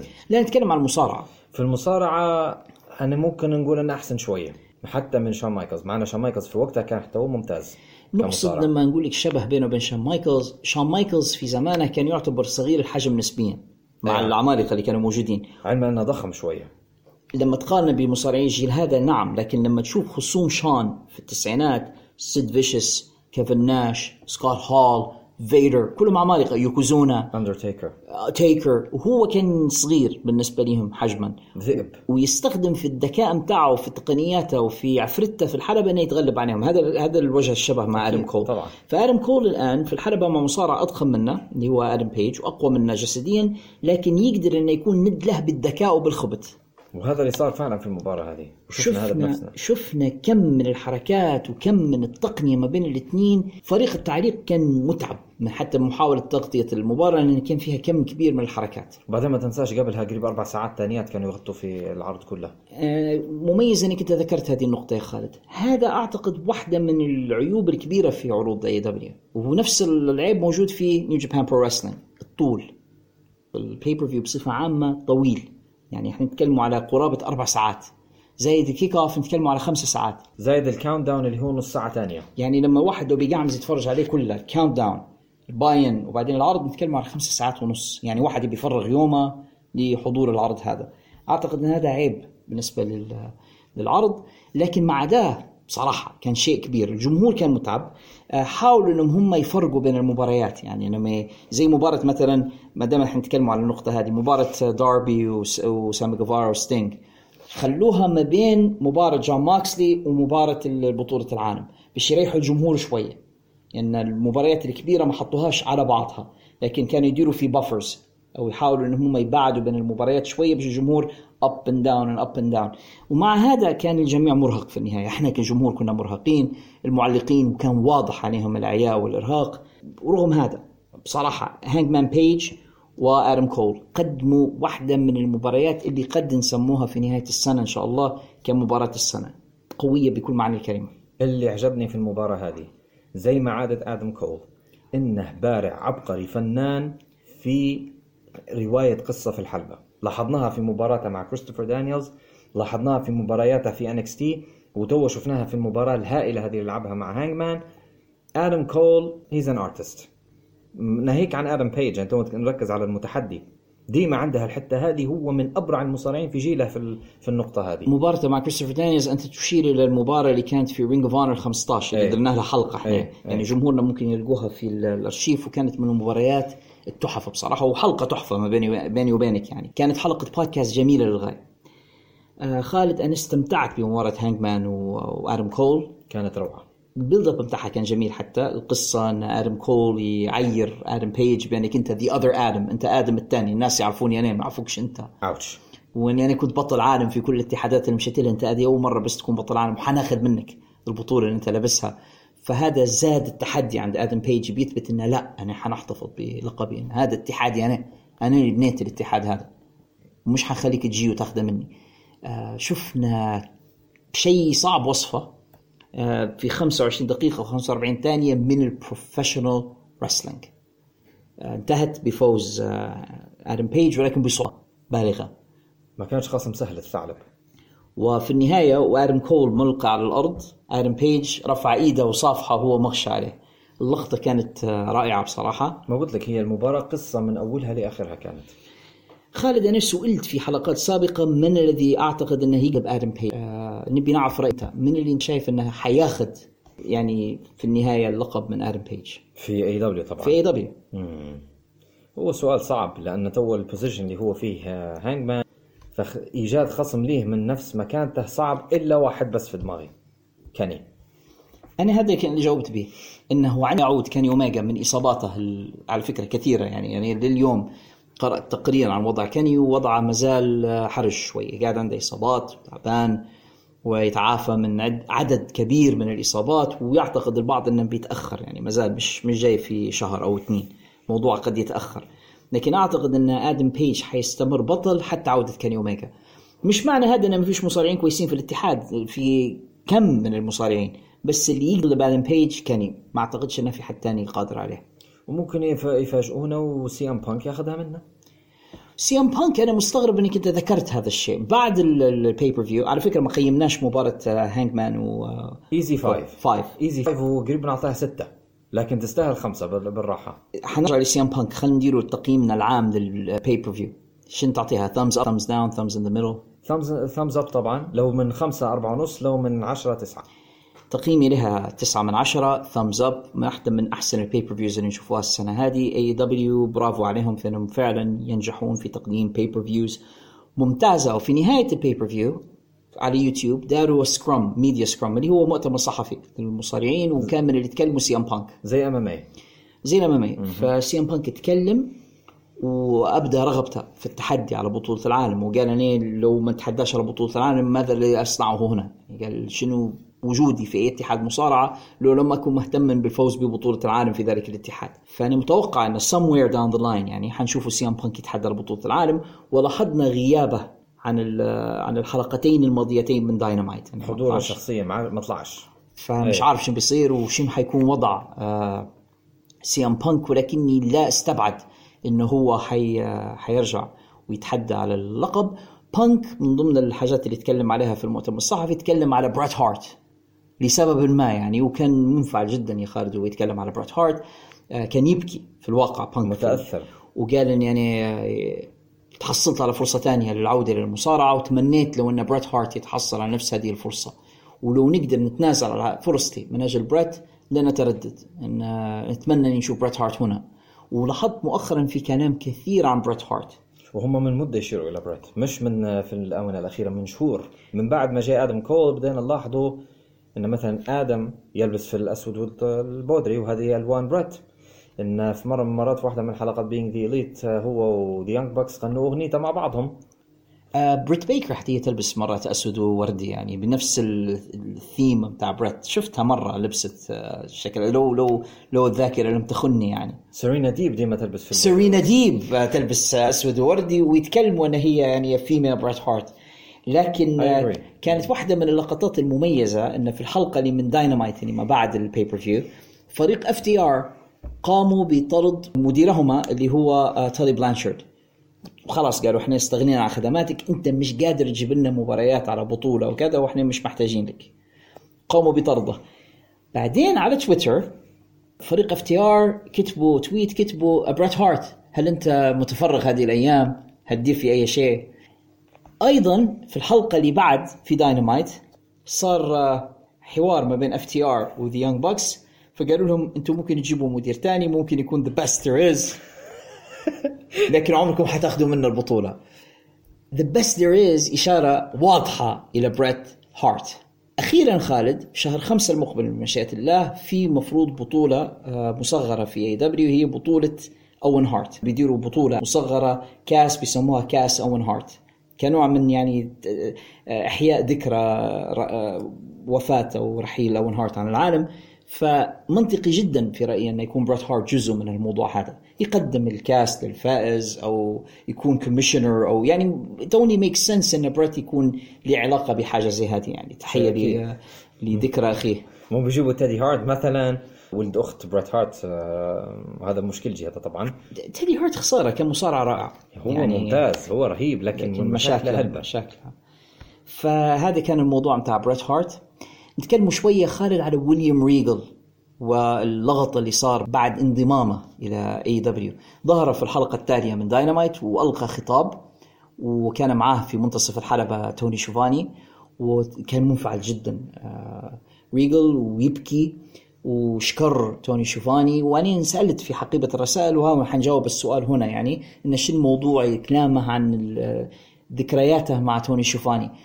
ويليام ريجل اول ما جاء إلى الولايات المتحدة جاء إلى اتحاد WCW وكان اسمه Lord Steven Regal وكان يدير في لقاءات كثير مع توني شوفاني يعني كان يوقفوا في الحلبة ويتكلموا مع بعض.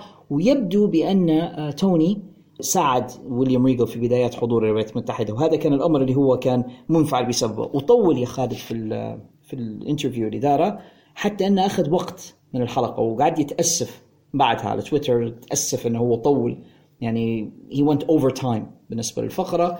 وقال أنا ما عادش عندي هلبة وقت أو لم يعد لدي الكثير من الوقت. ديف ملطزر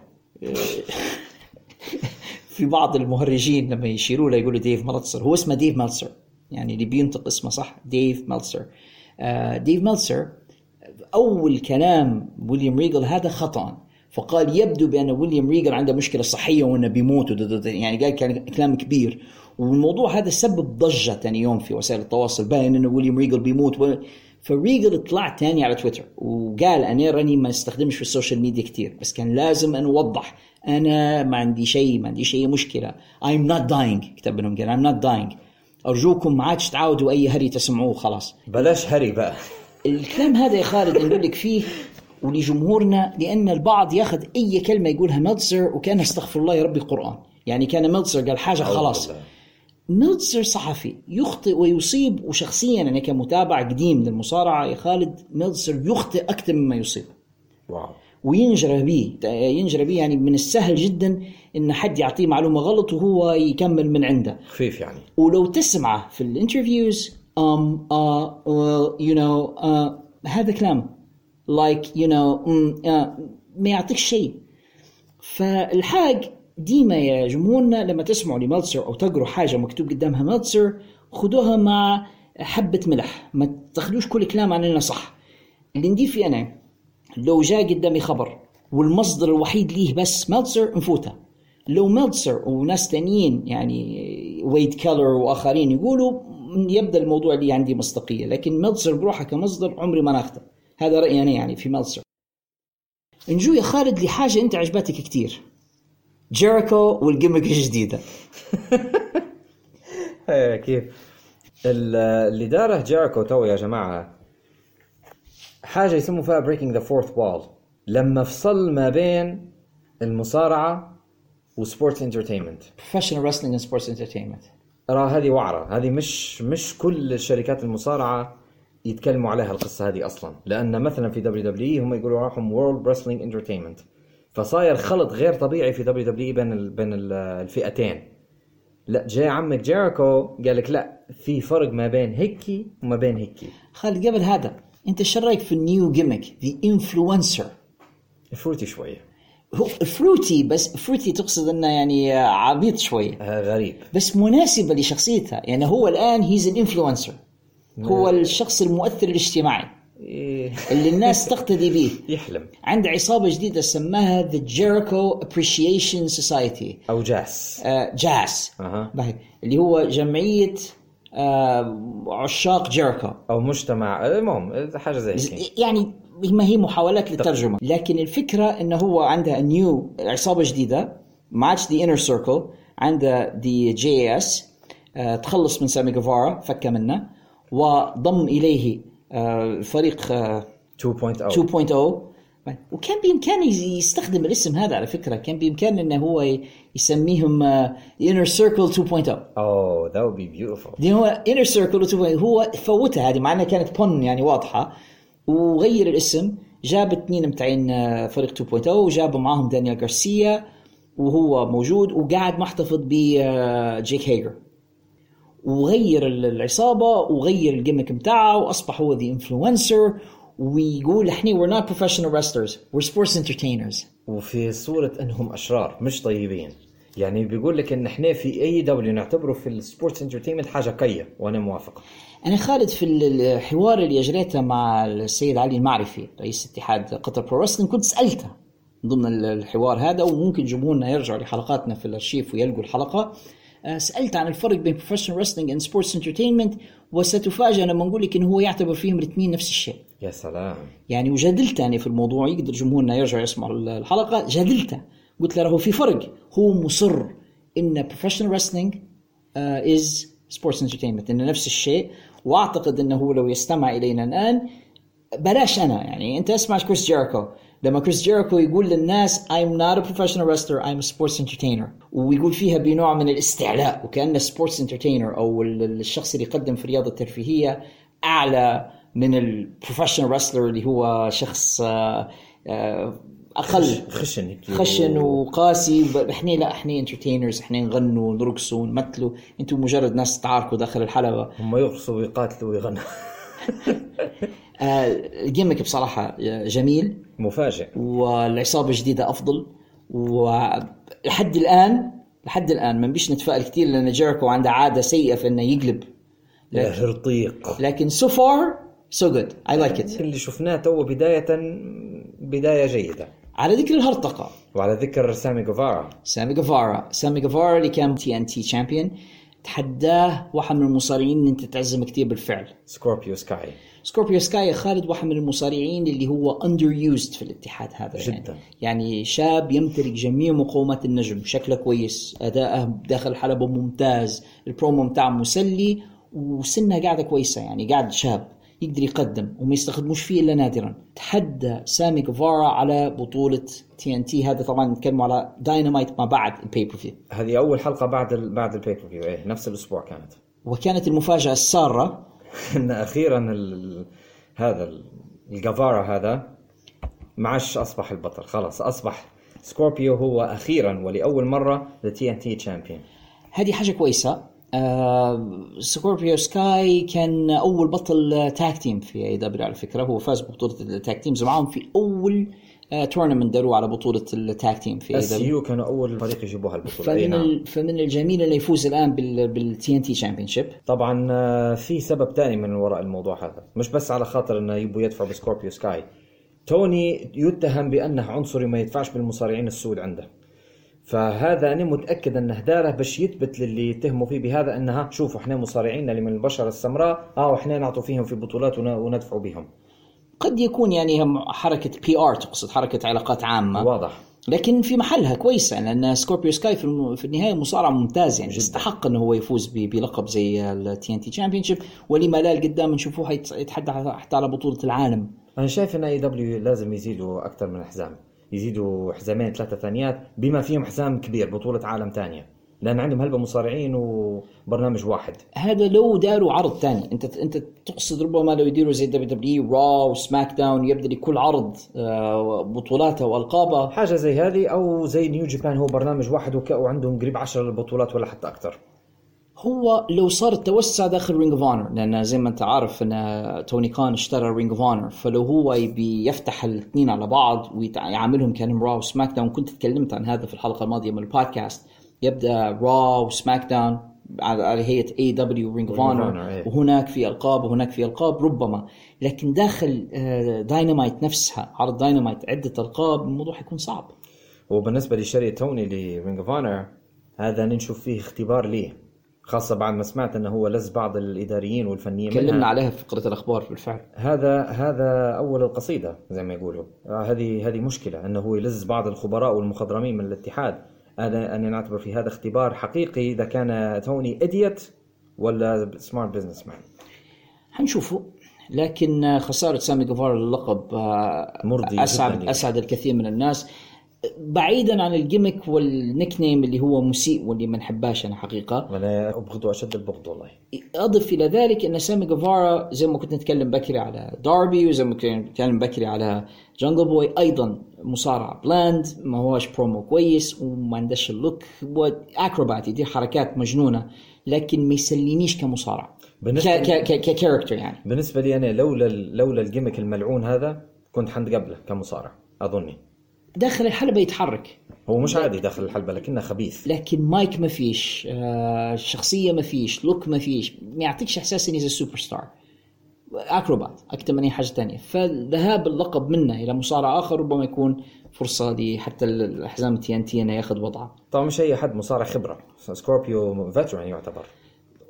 أساس- جاي. وصارع في ال indies وشفناه في عدة مكانات. نجولي آخر حاجة في الفالات اللي نبغى نتكلم عليه بالنسبة لي AEW اللي هي آه، بطولة النساء اللي قاموا عليها مباراة كبيرة في الحلقة الماضية من داينامايت خالد في مدينة سان انطونيو تكساس اللي هي مدينة ثاندر روزا واللي تحصلت على فرصة أخرى للتحدي على اللقب اللي ما قدرتش تفوز به في ريفولوشن.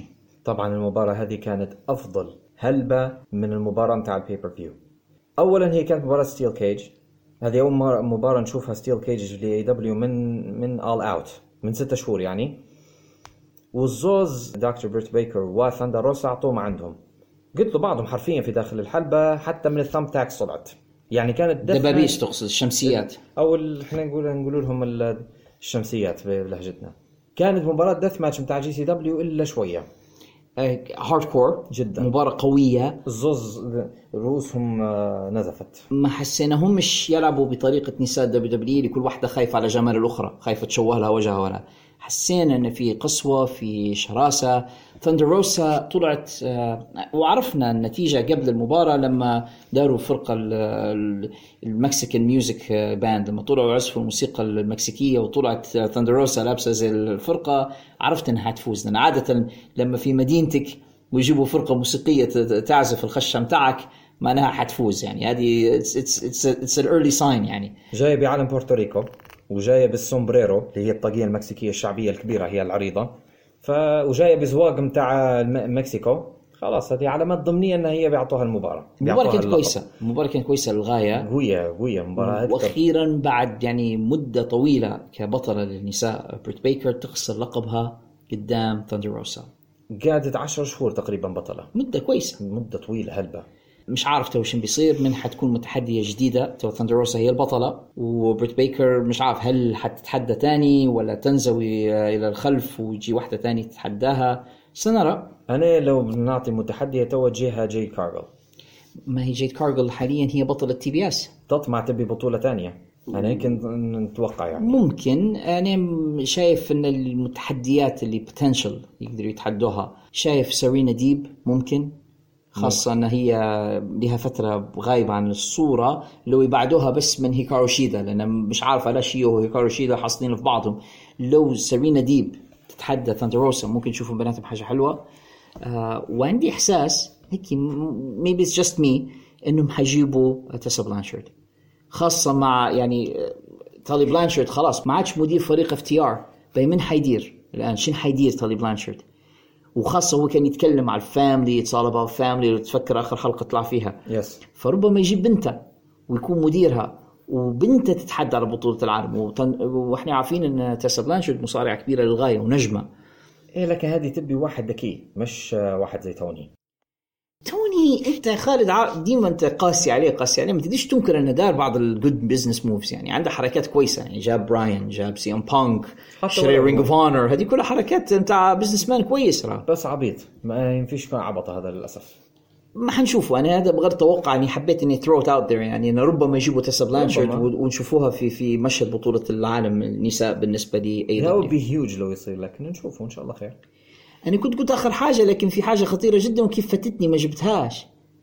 جيف هاردي. جيف هاردي انضم لاتحاد AEW السؤال اللي الجميع يسألوا فيه شفتهم على ال social media علاش ما طلعش في ال pay-per-view السبب إنه ما طلعش في ال pay-per-view ان ال pay-per-view كان يوم 6 3 وعقد جيف هاردي مع WWE الرسمي انتهى يوم 9 3 يعني أصبح free agent وفاجأنا جميعا بدخوله للحلبة وإنقاذ مات من من الاعتداء اللي تعرض له من عصابته السابقين the Hardy Family Office وجاء جيف هاردي بالموسيقى القديمة بتاعته اللي بتاعت ال WWE مش هي موسيقى موسيقتهم القديمة زمان في ايامات the Attitude Era بتاع Hardy Boyz لما كيف بدوا في WWF ناس كثيرة تتساءل كيف حصلوا على حقوق الأغنية هذه. اللي ما يعرفوش بعض الناس إن الأغنية يملكوها the Hardy Boyz ما يملكوهاش ال WWE ولهذا السبب كان من حق جيف يستخدم الأغنية في AEW لما مشارهم آه، في جمهور كبير جدا آه، متحمسين لعودة the Hardy Boyz مع بعضهم. أنا شخصيا معهم. أنا شايف آه، شايف جيف هاردي يناسبه جدا AEW وهو ومات مع بعض لما يكونوا tag team وسط ال tag teams الكبيرة اللي موجودة في AEW يعني حنشوفوا حاجة حلوة يعني. They stand out بقوة. يعني تخيل the Hardy Boyz ضد reDRagon the Hardy Boyz ضد Young Bucks the Hardy Boyz ضد سانتانا اورتيز the Hardy Boyz ضد the Lucha Brothers the Hardy Boyz ضد FTR يعني عندك انت combinations وعندك احتمالات كبيرة جدا ممكن يديروها. هذا ناهيك انه لو قدروا يجيبوا the Briscoe Brothers في حاجات حتصير. فأنا متحمس جدا لجاية the Hardy Boyz غادي عموما خالد AEW أعتقد إنهم متحسنين جدا في الفترة الفترة الأخيرة وفي تطور. وبديل الطيب يدفع الخبيث يعني الشركة بدت تتحسن يعني بدت الحاجات الكويسة هي اللي تقب على السطح الحاجات السيئة بدت تنزل بدو ينقصوا شوية من بعض الحاجات اللي إحنا مش عاجبتنا على الأقل في الفترة هذه يعني. فأنا إلى حد ما satisfied بالمستوى الحالي مش عارف أنت شو رأيك؟ في تحسن ملحوظ ما يمكنش إنكاره في العرض فعلا. يعني نشوف في أش... في الأشياء اللي إحنا نتضايقوا منها آه، نشمئزوا منها حتى بدت تدوب. هيك شوية متاع زيد وغادي علينا. وبدوا يركزوا فعلا على الناس اللي يستحقوا ال- الاهتمام أكثر مش آه، لأن لاحظ بعد اختفاء براندي وكودي وبالذات براندي بدت الأمور تتغير إلى الأفضل سبحان الله. فنشوفوا شو بيصير مع AEW خالد قبل ما نسكروا نبغى نتكلموا شوية على اتحادات أخرى لأن بعض الناس يحسبوا أن المصارعة فقط دبليو دبليو وإي دبليو ف MLW كانوا داروا مباراة بطولة عالم كبيرة آه، ما بين بطلهم ألكسندر هامرستون وما بين ديفي ريتشاردز. أنا عارف إن إحنا تو نتكلموا بال- بالصيني بالنسبة لبعض الجمهور اللي ما يعرفوش هذه الأسماء لكن أنت كنت شفت المباراة ما رأيك فيها في الأول؟ باختصار باش ما نطولش على ال- الناس ولا عليك أنت مرشح مبكر لأفضل مباراة لسنة 2022 باختصار هيك الجمهور اللي ما يعرفوش ديفي ريتشاردز ديفي ريتشاردز من المصارعين ال underrated و underused في عالم المصارعة. الراجل عنده كل شيء. أسلوبه نسخة طبق الأصل من براين دانيسون أو دانيال براين زي ما يعرفوا البعض. هو فعلا ال style هذا بتاع براين دانيسون آه، يذكرني بكريس بانوا بالنسبة للناس اللي عاصرت كريس بانوا أو داينامايت كيد. داينامايت كيد بالنسبة للجيل اللي يعرفوا حتى داينامايت كيد قصير لكن مكير.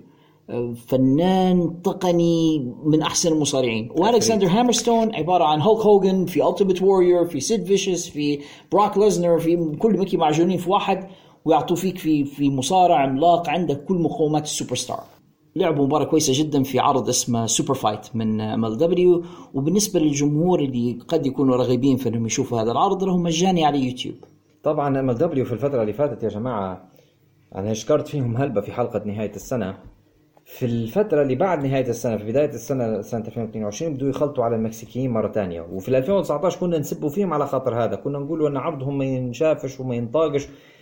لما خلطوا على المكسيكيين في المدة اللي فاتت ما عادش تفرجت عليهم لأنهم فعلا ولوا انواتشبل بشكل لا يطاق. لكن تو في الفترة هي ولوا زي ما كانوا.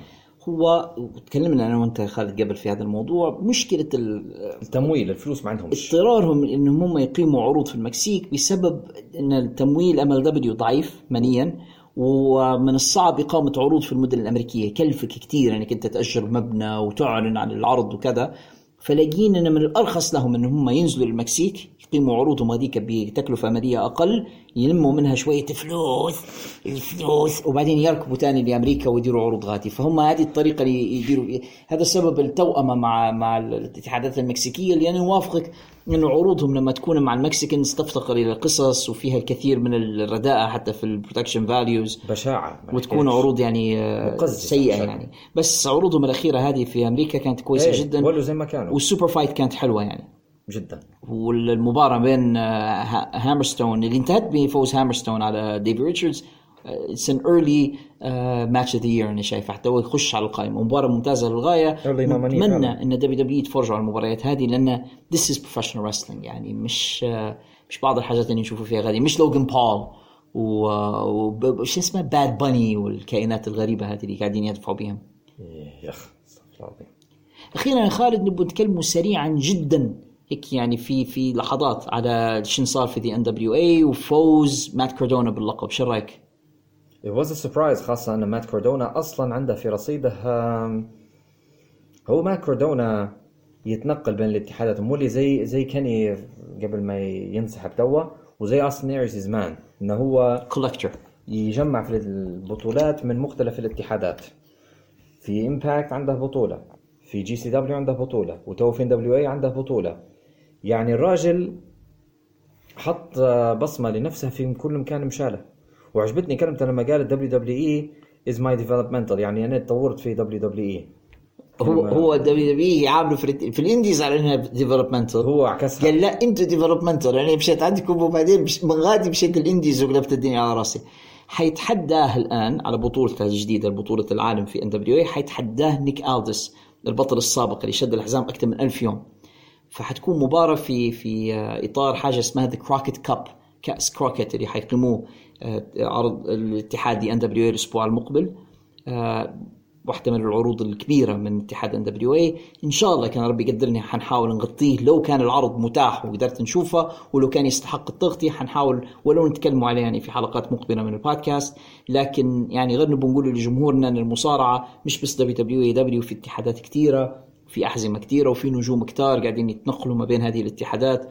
وبصراحة يعني مجال ممتع لكن مرهق للي بيتابع لأن هناك الكثير والكثير لمتابعته. وتغطيته أيضا.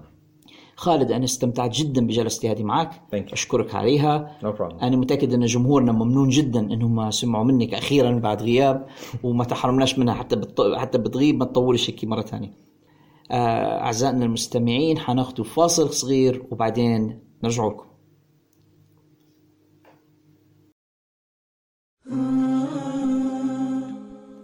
الكلمة الطيبة كالشجرة الطيبة أصلها ثابت وفرعها في السماء. تؤتي أكلها كل حين بإذن ربها. هكذا وصفها ربنا سبحانه وتعالى في محكم كتابه العزيز. والكلمة الطيبة صدقة. هكذا وصفها رسولنا الكريم صلى الله عليه وسلم في حديثه الشريف. فلنتفيأ ظلال تلك الشجرة. ولنجني من ثمارها اليانعة علما نافعا وأمرا بالمعروف ونهيا عن المنكر وإصلاحا بين الناس. في بودكاست الكلمة الطيبة مع فضيلة الشيخ عادل عبود يأتيكم من خارج الصندوق للإنتاج الإعلامي وقبل ما ننهي حلقة هذا الأسبوع خلينا نديروا طلة سريعة على ما لدينا في حقيبة الرسائل لهذه الحلقة You've got mail. زي ما نقول لكم أحبائي في كل أسبوع حقيبة الرسائل هي الفقرة اللي تتيح لكم أنتم إنكم تكونوا مشاركين معنا في إعداد وتقديم هذه الحلقات عبر إرسال ما لديكم من أسئلة واستفسارات وملاحظات وأفكار وحتى انتقادات التي أقوم بقراءتها دوما في هذه الفقرة. يمكنكم مراسلتنا. عبر بريدنا. contact us at outofthebox.ly أو إنكم تدوروا علينا في وسائل التواصل الاجتماعي فيسبوك وتويتر حيث لدينا حسابات ومجموعات وصفحات. لما تدوروا على in the ring في الحلبة وتشوفوا الشعار المميز للبودكاست يمكنكم مراسلتنا عبر الوصلات الخاصة بالمراسلة في تلك الوسائل. كذلك وأنا أقوم في كل أسبوع بترك منشور في الصفحة الرسمية للبرنامج. أطلب فيه من أعزائي المستمعين ترك ما لديهم من أسئلة واستفسارات في التعليقات التعليقات ثم أقوم بالإجابة عليها في الحلقة التالية من البودكاست كما سوف أفعل الآن. خلينا نشوف الأسئلة اللي معنا لهذا الأسبوع. سؤالي الأول يأتي من الصديق الوفي حسين عبد الله. حسين من أكبر مشجعي البودكاست وفي كل أسبوع لابد ما يكون في منا حاجة في حقيبة الرسائل. خلينا نشوف أسئلة حسين لهذا الأسبوع. سؤال حسين الأول عن البرومو اللي ألقاه ويليام ريجل. وشن قصة عمله مع توني شوفاني والتشكرات التي انهال بها عليه وعمله مع TBS وعمله مع براين دانيلسون وجون موكسلي. أنا كنت تكلمت مع خالد عن الموضوع هذا قليلا ولكن حنزيد في الاستفاضة في إجابة هذا الموضوع. ويليام ريجل عندما حضر إلى الولايات المتحدة لأول مرة في بدايات التسعينات كان مع اتحاد WCW وكان اسمه وقتها ستيفن ريجل وهذا على فكرة اسمه الحقيقي ستيفن ريجل فكانوا أطلقوا عليه لقب لورد ستيفن ريجل. وكان ال gimmick بتاعه إنه هو عبارة عن نبيل إنجليزي أو لورد يعني. وهذا ال stereotype أو الصورة النمطية اللي دائما في أذهان الأمريكان عندما يتكلموا عن الإنجليز ديما يتخيلوا الإنجليزي الأرستقراطي النبيل الخ الخ الخ يعني فكان هذا ال gimmick أو كانت هذه الشخصية التي يقدمها ويليام ريجل أو ستيفن ريجل عندما حضر إلى الولايات المتحدة مع اتحاد WCW على قنوات TBS وكان توني شوفاني في ذلك الوقت مذيع رئيسي في الاتحاد وكان يجري معه اللقاءات التلفزيونية. ويبدو زي ما أنا فهمت من البرومو بأن آه توني شوفاني كان قد أعان ويليام ريجل أو ستيفن ريجل كثيرا في بداية مشواره في عالم المصارعة. ما جعله يتأثر كثيرا وهو يشكر توني على مساعدته له في بداية المشوار لأن شاف كيف أن الدنيا لفت لفت لفت ووجد نفسه من جديد في اتحاد على قناة TBS مع توني شوفاني من جديد. الموضوع الباين أثار بعض الشجون في نفسه فكان منفعل ومتأثر بذلك. أما فيما يخص علاقة ويليام ريجل بكل من براين دانيلسون وجون ماكسلي فهذه حكاية. بالنسبة لويليام ريجل في أواخر عهده مع WWE وقبل حتى التحاقه ب NXT في الدور اللي شفناه على الشاشة لما كان مدير تنفيذي على الشاشة على فكرة مش في الواقع كان يشتغل ويليام ريجل مع WWE في دور كشاف المواهب وكان يذهب إلى كثير من العروض ال indie ويتفرج عليهم وبعدين هو يقوم بتجنيد أو استقطاب المصارعين إلى WWE يقترحهم. يعني يقول أنا شفت مصارع في اتحاد مستقل معين وعجبني وش رأيكم نجيبوا هذا أو نجيبوا هذا؟ بالنسبة لبراين دانيسون يا صديقي حسين كنت حكيت حكايته في الحلقة 42 من البودكاست ممكن ترجع لها وذكرت بأنه كان قد تدرب على يد شون مايكلز ولكن ال WWE بعد تخرجه من مدرسة شون مايكلز ما قبلش ببراين في صفوف الاتحاد بسبب صغر حجمه فتوجه إلى ال indies. شاهده هناك ويليام ريجل وقام بتجنيده لحساب ال WWE وأقنعهم بأن المصارع هذا ينفع أن يكون معنا. وبالفعل تم ضم براين بعد الفترة اللي قضاها في ال indies في Ring of Honor تحديدا إلى اتحاد FCW هذا قبل ما تستحدث دبليو دبليو ان إكس تي كان عندهم حاجة اسمها FCW Florida Championship وهناك صارع ويليام ريجل اللي كان مقيد مع WWE في ذلك الوقت صارع براين دانيسون وكان عندهم حتى feud في FCW وال feud هذا والقصة اللي صارت ما بين براين دانيسون و ويليام ريجل في FCW هو اللي يقنع مسؤولي الاتحاد إنهم يضموه إلى ال WWE هذا بالنسبة لي براين دانيسون. بالنسبة لجون ماكسلي القصة مشابهة. أيضا شاهده ويليام ريجل وهو في ال indies وتحديدا لما كان مع اتحاد Pro Wrestling Guerrilla أعجب به كثيرا شاف بأن عنده قدر من ال... يعني مع أنه المفروض مش ميزة هذه لكن عنده وحشية وعنده استهتار بسلامته الشخصية ومستعد إنه يضحي بنفسه في الحلبة في سبيل إنه هو يسعد الجمهور.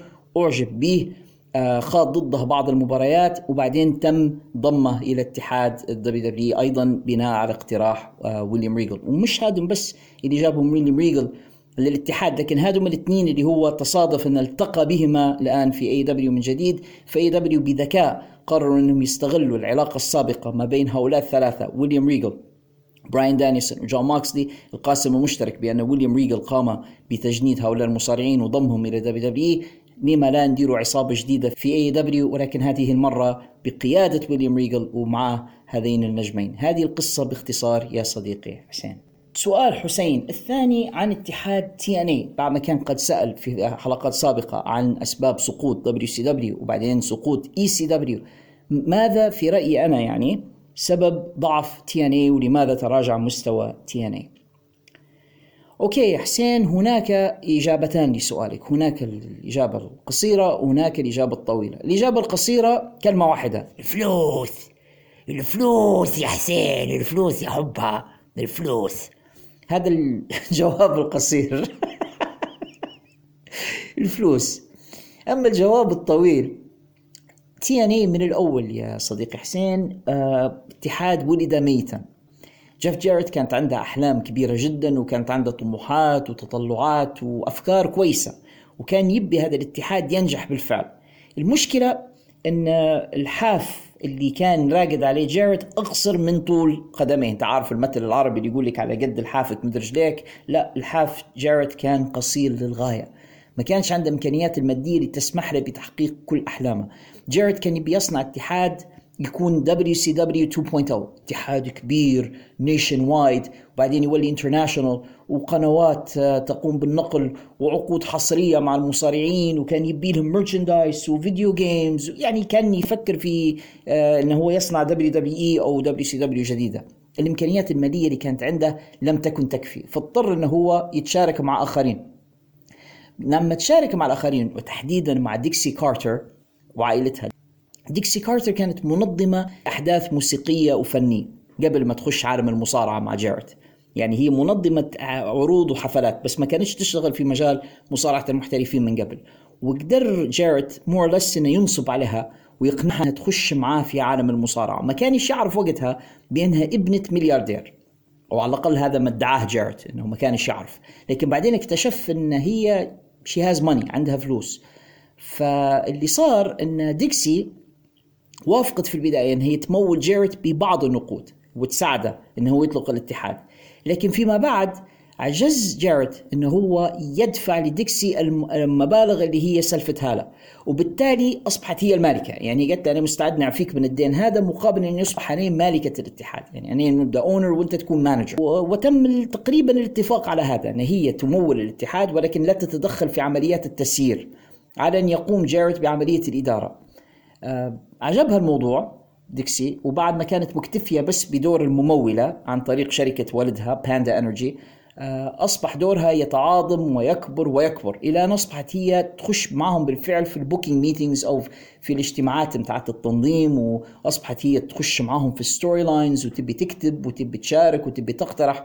وبعدين راسها كبر هلبة وقررت إنها حتى تشارك في العروض نفسها يعني هي نفسها تمثل على الشاشة ونشوفوها مؤدية على الشاشة وأصبحت يعني جزء من ال story لحد هني والأمور ماشية okay لأن جارد كان مازال in charge وجارد كان معاه فريق جيد جدا من المنظمين ومن الناس اللي كانوا يشتغلوا معاه واحد منهم داتش مانتل لو كان تعرفه. أعتقد كان اسمه في ال WW فترة زاب كولتر آه، وكان هو المدير بتاع فريق The Real Americans لو تتفكر الفريق اللي كان يضم كل من جاك سواجر وسيزارو ونضمني انضم لهم في فترة من فترات ألبرتو ديل ريو. هذا الشخص هو اسمه في الآخر في ال indies داتش مانتيل وهو عقلية في عالم المصارعة يكفي بس نقول لك بأن داتش مانتيل هو واحد من اللي اكتشفوا موهبة ستيف أوستن وهو اللي أطلق عليه اسم ستيف أوستن يعني باش تعرف أنت عقليته بالنسبة لداتش مانتيل هذا. فكان جارت معاه زي ما قلت لك داتش مانتيل كان معاه أيضا جيم كورنيت كان عندهم مجموعة من العقليات ومن ال veterans اللي كانوا يشتغلوا مع جارت جارت كان جايب المعلقين مايك تيني ودون ويست جارت هو اللي كان جايب لهم JB لو تعرف أنت جيرمي بوراش يعني كانت في الكثير من الأشياء الجيدة خلف الكواليس الإدارة تبع لي جيف جارت وأعتقد واحد من الأشياء الجدلية جدا اللي كان مسؤول عليها جارت فينس روسو اللي حتى هو كان مصر أن يكون ضمن فريق الكتابة لهذا الاتحاد رغم الخلافات الكبيرة جدا اللي كانت تدور خلف الكواليس ما بينه وما بين جيم كورنيت لدرجة أنهم كانوا لازم يفصلوا بيناتهم. يعني كان مستحيل أن جيم كورنيت وفينس روسو يحضروا مع بعضهم اجتماع واحد. ولو حضروا مع بعضهم لازم حد يقعمز أو يجلس ما بينهما للفصل لأن لو لو اجتمعا في مكان واحد كانت حتصير مشاكل كثيرة وكان ممكن جيم كورنيت حتى يعتدي على فينس روسو. هذا real life مش مش kayfabe يعني. نرجع. فكانت الأمور ماشية كويس تحت إدارة جيرت والفريق متاعه وكان اتحاد TNA بالفعل يقدم عروض ممتازة في سنوات 2005 2006 2007 لو اتيحت لك الفرصة إنك أنت ترجع وتحضر بعض هذه العروض على يوتيوب أو غيرها من الوسائل اللي قد تجد بعض هذه الأشياء يعني حتفاجئ بمستوى عالي جدا. ويكفي نقول لك إن عرض Impact اللي كان يقدم على قناة Spike TV كان يدير في ratings تعتبر الآن خيالية. يعني كان يديروا في أرقام 1.5 اللي هو مليون ونص. كل أسبوع هذا كان ال average أو كان ال- المعدل المتوسط العادي متاعهم لكل أسبوع حوالي مليون ونص. هذه الآن Raw ما تجيبش فيها.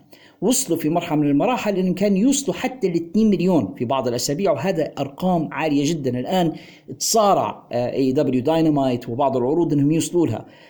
فكان العرض كويس وكانت ينضموا لهم نجوم كبار يعني كورت انجل ستينج سكوت ستاينر سكوت هول كيفن ناش بوكر تي كان هناك الكثير من النجوم الكبار بالإضافة إلى النجوم اللي هم قاموا بتنشئتهم في اتحاد TNA اللي حصل وهنا يعني نقطة السقوط ديكسي كارتر كانت قد غضبت على جيف جاريت وهذا موضوع ربما نخصص له حتى فقرة وقت حكاية على ما موضوع كبير للغاية. لكن كانت قد غضبت على جيف جاريت بسبب موضوع خارج الحلبة تماما صار وقررت أنها تبعده تماما عن الإدارة. وبالفعل تم إقالة جاريت من جميع مهامه كمدير للاتحاد. ما عادش ليه علاقة بال booking أو بكتابه القصص وتنظيم العروض بل تقدر تقول صار له زي ما صار لتريبل إتش الآن في NXT. قالوا لها روح لبيتكم ما عادش لك علاقة بشيء.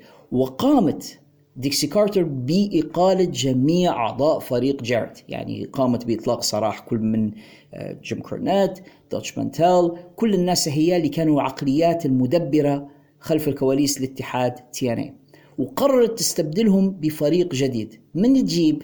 هي في الأول كانت تبي بول هيمن. الكلام هذا إحنا نتكلم على نهاية 2009 كانت تبي بول هيمن. بول هيمن حط شروط شبه تعجيزية لديكسي كارتر فقررت إنها تصرف عنا نظر وغيرت وجابت إريك بيشوف وهولك هوجن الشيء المدهش في الموضوع هذا إن لما جابت هالك هوجن ما جابتهاش بس كمصارع جابتها كإداري. هوجن ما عندهاش تاريخ كإداري في أي اتحاد. هالك هوجن عبارة عن talent عبارة عن مصارع. وعنده تاريخ كبير كشخص نعم نجح مع اتحادات المصارعة اللي هو اشتغل فيها. كريسلر WWF في الثمانينات يعتبر هو السبب في صعودها ووصولها إلى القمة في فترة من الفترات. عندما انضم إلى WCW غيرها تغيير كبير. لما دار ال heel turn وانضم إلى ان دبليو كما تكلمنا سابقا في في الحلقة في حديثنا عن سكوت هول أيضا كان هالك هوجن صاحب فضل في صعود WCW فنقدر نقول إن جميع الاتحادات في الثمانينات والتسعينات كان هو المسؤول عن صعودها وعلى انطلاقتها. جاباته في TNA في 2010 على أمل إنه هو يدير نفس الشيء معهم. ولكن هوجن من ناحية كان كبر في السن من ناحية أخرى هولك هوجن كان طالب عقد خيالي. نقدر نقول لك إن أي ظهور لهوجن في الحلبة مجرد أنه واقف في الحلبة يتكلم كان يتقاضى مقابلة 35 ألف دولار. هذا رقم كبير للغاية لما تضربه في 52 عدد أسابيع السنة. وبعدين تشوف أنت ياخذ في فلوس كثيرة مقابل المباريات. يعني أي مباراة بيلعبها كانت أرقام خيالية. فهوجن وبيشوف فلسوا باتحاد TNA هوجن بروحه ميزانيته كانت هائلة. هوجن ما كانش زي المصارعين الآخرين آه، في آه، طريقة المعاملة. يعني لما كان يسافر لازم first class وطيارة خاصة وفنادق آه، سبع نجوم ومعاملة غير النجوم الآخرين. في الوقت اللي كانوا أمثال AJ Styles يتقاضوا في أرقام صغيرة للغاية ويسافروا في سياراتهم من بلاد لبلاد و... وينزلوا في فنادق بسيطة على حسابهم الخاص. كان هوجن يعامل معاملة ملوك. وهذا الأمر سبب مشاكل كبيرة داخل اتحاد TNA وأدى بالكثير من النجوم إنهم هم يطالبوا بترك هذا الاتحاد. هذا من جهة. من جهة أخرى هوجن بالإضافة إلى انضمام الاتحاد TNA قام بتغيير الكثير من الأشياء في الاتحاد. يعني مثلا TNA كان يمتازوا بالحلبه السداسية. قال لهم لا that doesn't work for me. هذا ما يناسبنيش. غيروها إلى حلبه رباعية. فتم تغييرها. نظر إلى ال roster وقام بطرد وصرف الكثير من المصارعين. يعني في حاجات قصص حتى مؤسفة. لما نقول لك على كريستوفر دانييلز أكيد أنت تعرفه وكان عندهم نايجل ماجينس فنظر إليهما وبعدين قال أنتم عندكم اثنين صلع رقاق أو, أو نحاف. شنو نديروا بيهم الاثنين؟ إحنا مش محتاجين هذين الاثنين نبغى واحد منهم بس. فقام بصرف كريستوفر دانييلز بكل بساطة. يعني مش يشوف إن كريستوفر دانييلز شن مزاياه شن كذا تاريخه آه نايجل ماجينس اللي هو أيضا أسطورة ونجم كبير وشن مكان لا إحنا مش محتاجين الزوزة هم يشبهوا بعضهم إحنا محتاجين واحد بس فقام بطرد الآخر. الكثير من المصارعات اللي في الاتحاد وقتها كان TNA من مزاياهم. ال roster النسائي قام بصرف الكثير منهن وطردهن. يعني كانت في مصارعة يابانية اسمها هامادا آه، طردها. كانت في رايشة سعيد لو أنت تعرفها أو كان اسمها أعتقد ميليسا فلاش مصارعة كويسة طردها غيرهم الكثير الكثير اللي تم صرفهم وترك فقط النوعية اللي كانت في ذلك الوقت موجود في ال WWE اللي هم ال blonde اللي عندها look معين اللي شبيهات بتوري ويلسون أو سيبل. هذا النوع اللي هوجن قال لهم ابقوا عليهم والباقي قوموا بصرفهم. فال women's roster أو ال roster النسائي اخذ ضربة قوية جدا تحت إدارة هوجن أما طامة الطوام انه غير اسم الاتحاد. يعني كانوا اسمهم TNA هذا كان الاسم اللي يشتهروا به لسنوات وسنوات. قالوا لهم الاسم هذا ما يساعدنيش غيروه. فتم تغيير اسم الاتحاد ل Impact Wrestling هو قبلها كان اسمهم TNA وعرضهم التلفزيوني اسمه Impact زي ما ال WWE عندهم عرض تلفزيوني اسمه را أو اي دبليو اتحاد واسم العرض التلفزيوني داينامايت TNA كان اسم الاتحاد وعرضهم التلفزيوني كان اسمه Impact لا هوجن قال لهم أنا اسم TNA ما يعجبنيش. غيروه سماه Impact Wrestling تغيير الاسم تغيير شكل الحلبة تخلصا من الكثير من المصارعين والمصارعات تدخل في ال gimmicks بتاع المصارعين. قال لهم AJ Styles هذا مصارع كويس لكن ما عندهش شخصية. نبغى نديروا له شخصية. فأعطوه gimmick Nature Boy AJ Styles واحدة من أسوأ مراحل AJ صبغوا له شعره أشقر ولبسوه روب زي ريك فلير وحطوه مع ريك فلير إن ريك فلير ال manager بتاعه. وبما إني ذكرت ريك فلير هذه كانت طامه أخرى قام بها هولك هوجن أثناء إدارته ل TNA إنه هو قام بالتعاقد مع الكثير من المصارعين اللي هم أصحابه وجابهم لاتحاد TNA وكان منهم ريك فلير جاب مستر أندرسون جاب آه روب فان دام جاب تخيل The Nasty Boys وكان وقتها يعني خلاص يعني مكملين في المصارعة كبار في السن وما عادش لهم أي يعني جدوى في المصارعة لكن جابوا من الاثنين للاتحاد وأيضا أعطاهم بوش وأعطاهم دفعة كبيرة. حركات اللي كان يدير فيها مش مفهومة. يجيب في اصدقائه جاب بنته بروك هوجن وأعطاها دور رئيسي في الاتحاد وبدت تظهر على الشاشة كثيرا. الاتحاد تأثر كثيرا من جيد هولك هوجن لأن كل الحركات هي كلفتهم الكثير من الأموال. وبعدين وبعدين أعطى كتابة القصص إلى إيريك بيشوف. إيريك بيشوف شخصية جدلية للغاية في عالم المصارعة وأنت أكيد عارف بأني أنا عندي فيه رأي قاسي للغاية. إيريك بيشوف عنده عقلية كويسة لكن ما ينعطاش إدارة. وما فيش اتحاد خش لإيريك بيشوف وما نزلاش إلى أسفل السافلين. فعقلية إيريك بيشوف في الكتابة زائد عقلية هوجن في الإدارة سببت في كوارث الاتحاد TNA وركبت عليهم ديون. انتهت علاقة هوجن ب TNA في سنة 2014 لكن لما طلع من عندهم كان قد أفلس بالاتحاد تماما. عائلة ديكسي كارتر خلاص ملوا من دفع هذه الأموال الكبيرة قرروا إنهم هم ما عادش يقدروا يستمروا بهذه الطريقة فسحبوا الدعم من بنتهم ديكسي. القناة اللي كانوا عليها قناة سبايك أيضا آه، انتهى عقدهم معهم وسبايك قرروا إنهم يجددوش. فديكسي كارتر لقيت نفسها في موقف سيء للغاية. خسرت القناة التلفزيونية وخسرت الدعم المادي اللي كانت تتحصل عليها من باندا انرجي وهوجن قرر إنه هو الآخر ما يجددش مع الاتحاد ومن هنا بدأ سقوط TNA بدت ديكسي تبحث عن القنوات مشيت لقناة أعتقد اسمها ديستنيشن أمريكا أو حاجة زي هكي قناة بتاعت صيد و... وأحياء برية. ما كانش حد يشوف فيها أصلا وما كانتش تعرض حتى على قنوات الكيبل الأمريكية standard الجمهور ما عادش يقدر يعثر على الاتحاد. وبعدين من هناك بدأت تهاوي إلى الأسفل. ولما تشوف TNA كانوا في حالة صعود من 2005 إلى 2010 وبعدين التهاوي السريع اللي طاحوا منها من 2010 إلى 2014 لما وصلوا لذيك المرحلة خلاص تي إن اي ما عادش تي إن اي اللي نعرفوها تحولت الامباكت رسلينج ضعيفة تفتقد إلى الفلوس. ومن هناك يعني كل الأشياء اللي أنت تشوف فيها الآن. ما قدروش يحصلوا نجوم كبار. نجومهم اللي زي سمو جو اي جي ستايلز بوبي رود جيمس ستورم اوستن ايريز يعني نقدر نمشي من هنا لقداش وأنا نسمي في الأسماء. كل هؤلاء لما عقودهم تنتهي. كان يتركوا لأن ما كانش في أمل إنهم يتحصلوا على عقود جيدة في التجديد متاعهم العروض المالية اللي كانت مقدمة لهم كانت هزيلة للغاية مش مشجع إنهم هم يستمروا. آه، وصولا للمرحله اللي هم موجودين فيها الآن لما الشركة بيعت وأخيرا من ملكية ديكسي كارتر إلى مؤسسة انثم الكندية. انثم وتكلمنا في حلقة سابقة عن ذلك شركة قبضة بخيلة ما تبيش تصرف على اتحاد TNA الكثير من الأموال آه، مكتفية بالحد الأدنى من كل شيء من الإمكانيات من الإبهار من الإضاءة الخ الخ الخ و TNA الحالية أو امباكت رسلينج تحت إدارة انثم اتحاد ماشي حاله مش ممتاز مش سيء لكني أنا شخصيا ما نقدرش نعتبرهم ال needle mover أو شركة تحرك المؤشر في عالم المصارعة. أعتقد بأن امباكت رسلينج اتحاد in the middle وهذا كله بسبب ضعف التمويل وضعف الفلوس اللي هم ياخذوا فيها. هذا جواب سؤالك عن اتحاد TNA أرجو أن يكون أفدتك به. شكرا لك يا حسين على سؤالك هذا وأنا سعيد جدا بكل مرة نلقى فيها سؤال منك. ما تبخلش علينا بالمزيد منها في حلقات مقبلة. ننتقل إلى صديقنا العزيز عبد العزيز حسن من الكويت الشقيق. عبد العزيز في كل مرة يخش بينا في آلة الزمن ويسألنا أسئلة رائعة عن الزمن الجميل في عالم المصارعة. خلينا أسئلة عبد العزيز لهذه المرة.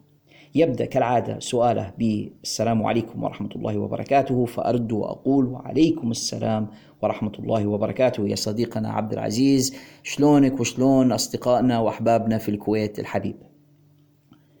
سؤاله الأول عن العداوة اللي كانت بين إيريك بيشوف وريك فلير. واو! سؤال حلو. في WCW عام 99 والتي على أثرها حدثت مباراة بينهم. آه، هل كانت المباراة بالفعل على منصب المدير التنفيذي للاتحاد؟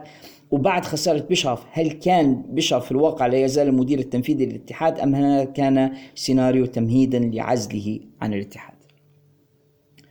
رجعت بينا يا عبد العزيز زي كل مرة في أسئلتك إلى مرحلة حلوة في عالم المصارعة العداوة ما بين ريك فلير وإيريك بيشوف نقدر نقول لك يا صديقي بأن الموضوع لم يزد عن كونه storyline أو سيناريو وكانت محاولة آه، رخيصة من اتحاد WCW لتقليد العداوة ما بين ستون كولد ستيف أوستن and فينس ماكمان واللي كانت أكبر قصة في ال WWF في ذلك الوقت وحققت لهم الكثير من الأرباح.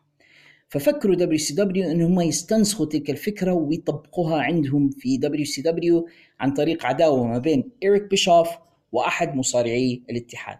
وقتها كان في توتر حقيقي خلف الكواليس ما بين إيريك بيشوف وريك فلير سبب العداوة هذه أن ريك فلير كان يرى بأنه هو مهمش وتم إهماله في WCW بعد انضمام الكثير من النجوم الآتيين من WWF اللي هم المعروفين دائما the nWo سكوت هول كيفن ناش هوجن بريت هارت وغيره من النجوم الكبار اللي جو من WWF. كان يرى ريك فلير بأنهم واخدين حقه وإنه تم هضم حقه في الاتحاد بعد انضمام هؤلاء. فبدي يحس بنوع من الغيرة ونوع من الحسد لهؤلاء النجوم الآتين. مشكلة ثانية كانت مع ريك فلير إنه هو نفسه كان كبر شوية في السن ما عادش ملتزم معاهم كثيرا في الظهور وبدت انشغالاته العائلية تطغى على اهتمامه بعالم المصارعة. وواحدة من أشهر القصص اللي تروى في هذا المجال بأن ابن إيريك بيشوف وقتها ابنه الراحل ريد. كان في وقتها صغير. السن وكان مشارك في بطولة وطنية للمصارعة مش professional wrestling high school wrestling فكان ريك فلير يريد أن يذهب لحضور مباريات ابنه وتشجيعه وكان بحسب ما يروي ريك فلير قد طلب إذن من مسؤولي WCW للتغيب لبعض الوقت لحضور هذه البطولة. مسؤولو WCW رفضوا منح ريك فلير هذا الإذن لكن ريك فلير ما عدلش عليهم زي ما نقول إحنا بلهجتنا أو لم يلقي بالا لرفضهم وذهب بالفعل. يعني قال أنا خلاص أعطيتكم علم وأنا ماشي ومش حن مش حنكون معاكم لبعض الوقت. وبالفعل سافر مع ابنه وحضر بطولة المدارس الثانوية الأمريكية آه، لتشجيع ابنه.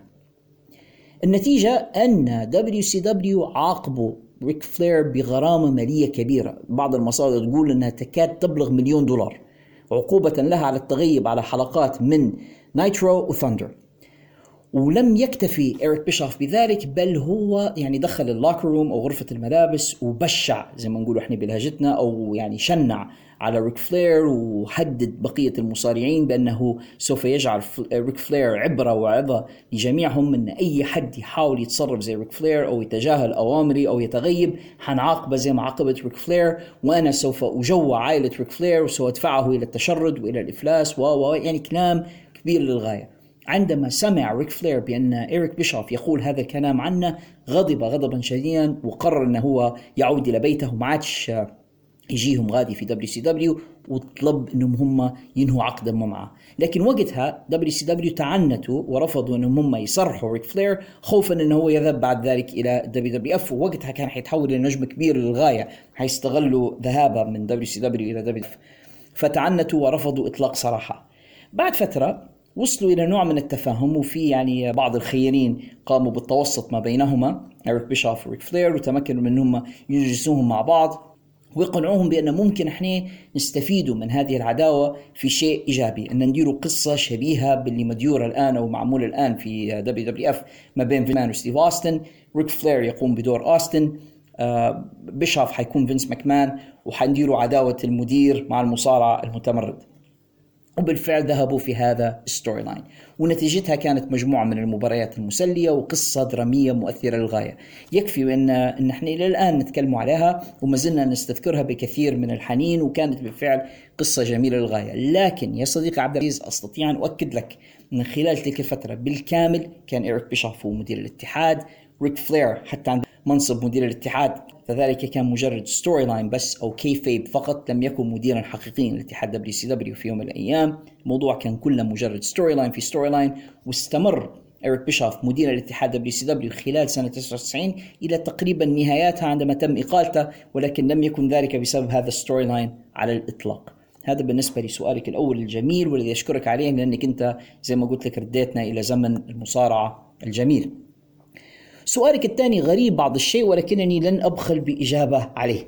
آه، يسألني عبد العزيز عن عصابة Juggalo World Order JWO بعد ما سألنا في حلقة سابقة عن World Order أو بي دبليو أو فشن حكاية the Juggalo World Order لكي نتكلم عن Juggalo World Order يا صديقي عبد العزيز لابد ما نفهم شن معنى Juggalo وشن القصة هذه كلها. Juggalo هم مشجعو فريق the Insane Clown Posse مش عارف لو انت تفكرهم ولا لا كانوا مجموعة من المهرجين. لا مش مهرجي المصارعة. آه بس هم مهرجين مصارعة بس مش جماعة هروج من الآخر. كانوا مجموعة من المهرجين اللي كانوا في نفس الوقت rappers وكانوا في نفس الوقت professional wrestlers الحقيقة لا تحضرني أسمائهم الآن لكن كانوا عصابة من ثلاثة مصارعين مهرجون في لباسهم وكانوا يغنوا أغاني راب وكانوا أيضا آه، مصارعين وكانوا آه، style هم أو أسلوبهم في المصارعة hardcore وظهروا في اتحاد ECW وظهروا حتى في WCW بعض الوقت وبعدين قاموا بإنشاء آه، اتحاد مصارعة خاص بهم. وكانوا قد أطلقوا لقب Juggalo على كل مشجع لفريق the Insane Clown Posse فلما قاموا بإنشاء اتحاد مصارعة خاص بهم اطلقوا عليه اسم Juggalo Championship Wrestling على وزن دبليو سي دبليو اي سي دبليو جي سي دبليو جاجلو تشامبيونشيب رسلينج وكان بقيادة المهرجين الثلاثة. هو مش اتحاد بمعنى professional wrestling company زي دبليو سي دبليو أو دبليو دبليو اي أو رينج اوف اونر كانت مجموعة عروض أقامها هؤلاء المهرجون الثلاثة لكن المدهش إنه كانوا يتمكنون أحيانا من الحصول على بعض النجوم الكبار. يعني حضر إلى بعض عروضهم دايموند دالاس بيج حضر إلى بعض العروض سكوت هول كيفن ناش. فهذا اللي يعطي Juggalo Championship Wrestling في وقتها بعض الزخم. المهم إنهم هم كالعادة من أجل إنهم يحصلوا شوية buzz أو شوية آه، لفت انتباه قاموا بإطلاق عصابة داخل الاتحاد Juggalo Championship Wrestling اسمه the Juggalo World Order على نمط the New World Order أو عصابة the nWo الشهيرة في WCW زي ما تكلمنا في الحلقة السابقة الاتحادات الصغيرة كانت تلجأ إلى مثل هذه الحركات للفت الانتباه إليها. عقدة الأخ الصغير اللي يبي الناس يلتفتوا له فهو يقوم بإحداث الكثير من الضجة و آه، القيام بكثير من الحركات من أجل أنه هو يلفت الانتباه إليه. وبالتالي المهرجين الثلاثة داروا فريق سموه the Juggalo World Order شبيه ب the nWo ولكن حتما ما هوش بعشر مكان the nWo في عالم المصارعة بل حتى واحد على 100 من مكان the nWo الشيء بس الملفت للنظر انه كان انضم إليهم شرفيا في فترة من الفترات. سكوت هول وكيفن ناش وقفوا معهم يعني في الحلبة على أساس أن the Juggalo World Order معهم The Outsiders الاثنين. لكن آه، الموضوع ما هوش آه، ذا بال كبير في عالم المصارعة وما كانوش آه، بأي حال من الأحوال من العصابات الكبيرة أو الناجحة في عالم المصارعة بقدر ما كان هو comedy act أو أو حركة كوميدية الهدف منها فقط لفت الانتباه إلى اتحاد Juggalo Championship Wrestling واللي هو بحسب علمي ليس مستمرا إلى الآن خلاص يعني انتهى تماما لأن JCW تحول فيما بعد إلى Jersey Championship Wrestling وبعدين تحولت إلى GCW مرة واحدة ما عادش موجود Juggalo Championship Wrestling لكني أشكرك يا صديقي عبد العزيز على هذا السؤال. تحياتي لك وأنتظر ماذا سوف ترسل إلينا في حلقات قادمة من بودكاست في الحلبة. وأنتم أعزائي المستمعين ماذا تنتظرون؟ لو كانت لديكم أسئلة استفسارات ملاحظات حتى انتقادات قوموا بإرسالها إلي هنا في حقيبة الرسائل اللي ديما تقول لكم feed me more. ابعتوا لي شن عندكم وستجدون الجواب بإذن الله في حقيبة الرسائل بودكاست في الحلبة.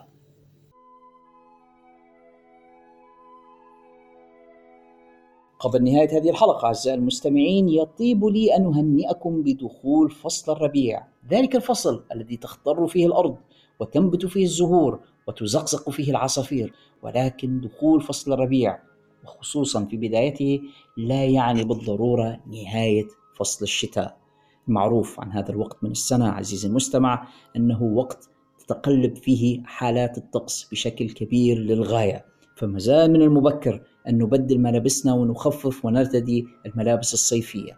إقدامك على ذلك في هذا الوقت يعني تذكرة مضمونة للإصابة بالبرد. نصيحة أخ غير ملابسك مع رجال الشرطة. إحنا نشوفه في رجال شرطة المرور اللي يطيب ليهم في هذه المناسبة أن نوجه لهم التحية نشوفوا فيهم وهم واقفين في الشارع يرتدون إلى حد الآن ملابسهم الزرقاء النيلية. وعادة رجال الشرطة يغيرون ملابسهم مع بداية شهر مايو شهر خمسة عندما يرتدون الملابس البيضاء. نصيحة تعلمتها منذ الصغر غير ملابسك مع تغيير رجال الشرطة لملابسهم. ما زال الوقت مبكر إحنا في شهر مارس. حتى شهر أبريل أعتقد أن الوقت ما زال مبكر. إقدامك على تغيير ملابسك والتخفيف وتصيفك منذ الآن يعرضك للإصابة للبرد والمشكلة في الإصابة بالبرد خاصة مع وباء كورونا اللي منتشر مازال في العالم. المشكلة إنك عندما تصاب بالبرد لا قدر الله مش حتعرف إذا كان اللي عندك نزلة برد وزكام ولا اللي عندك لا قدر الله كورونا. وهذا الشك وهذا الوسواس الذي سيصيبك سيسبب الكثير من الربكة لك ولأسرتك. لتجنب هذا كله وتفاديه حافظ على ملابسك الشتوية لحد الآن. معلش الموضوع قد يكون مزعج بعض الشيء ولكن للتقليل من احتمالات الإصابة بالبرد والإصابة أيضا من كورونا اللي ما زلت أنصح الجميع بالاحتماء منه بارتداء الكمامات غسل اليدين التباعد الاجتماعي واللي حصل فرصة لتلقي اللقاح. أرجوك ما تترددش فإنك أنت تمشي وتاخذ الجرعة. أنا واخذ ثلاثة جرعات مش جرعة واحدة فقط. ومع هذا ما زلت نرتدي بكمامتي ما زلت آه، محافظ على التباعد الاجتماعي. ولا تستمعوا للناس اللي يقول لكم إن اللقاحات ضارة بالعكس اللقاحات آمنة وفعالة وتساهم في حمايتك من الوباء. كذلك ما تسمعوش للناس اللي يقول لكم كورونا تمت. الدول اللي رفعت الإجراءات الاحترازية راهي دول وصلت إلى نسبة تلقيح عالية للغاية، إحنا نتكلم على ناس تجاوزوا نسبة ال60 وحتى 70% من جمهورهم.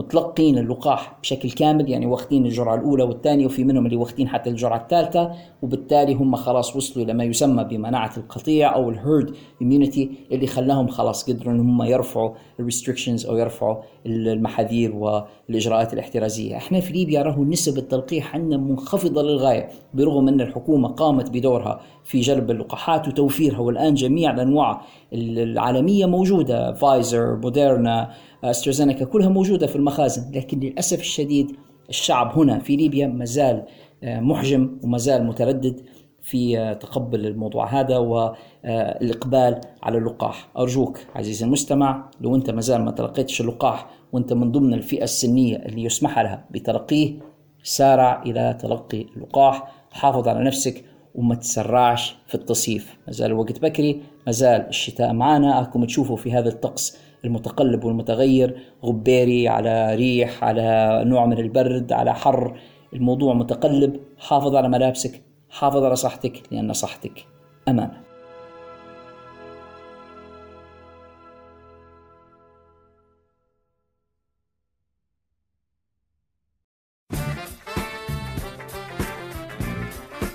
قبل ما نسكر حلقة هذا الأسبوع نبي نكلمكم شوية عن فيلم أتيح لي وأخيرا الفرصة لمشاهدته بجودة عالية. فيلم Spider-Man No Way Home فيلم Spider-Man No Way Home مش حنقول عليه إنه كان فيلم رائع ولكني حنقول إنه فيلم رائع رائع رائع ومعها غمزة. الفيلم جميل للغاية ننصح به أي حد يحب سبايدر مان في أي مرحلة من مراحل سبايدر مان اللي أنتم تعرفتوا عليه فيها. أنا شخصيا نشأت محب لسبايدر مان وممكن آه، اللي يعرفوني عن قرب يعرفوا اني لما كنت صغير كنت نتشعلق من الستائر في المنزل ونقلد في سبايدر مان ونتخيل نفسي إن أنا هو سبايدر مان سبايدر مان كان واحد من ابطالي الخياليين المفضلين.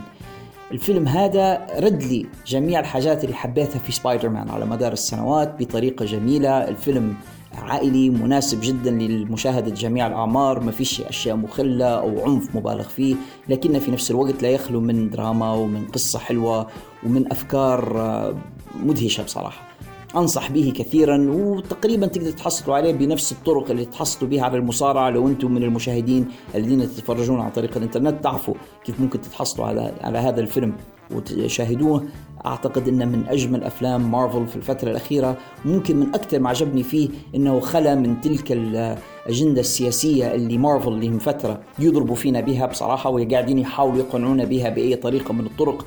واللي شفناها بادية جلية في فيلمهم ما قبل الأخير اللي هو The Eternals واللي ما قدرتش نكمله بصراحة بسبب كثرة ال...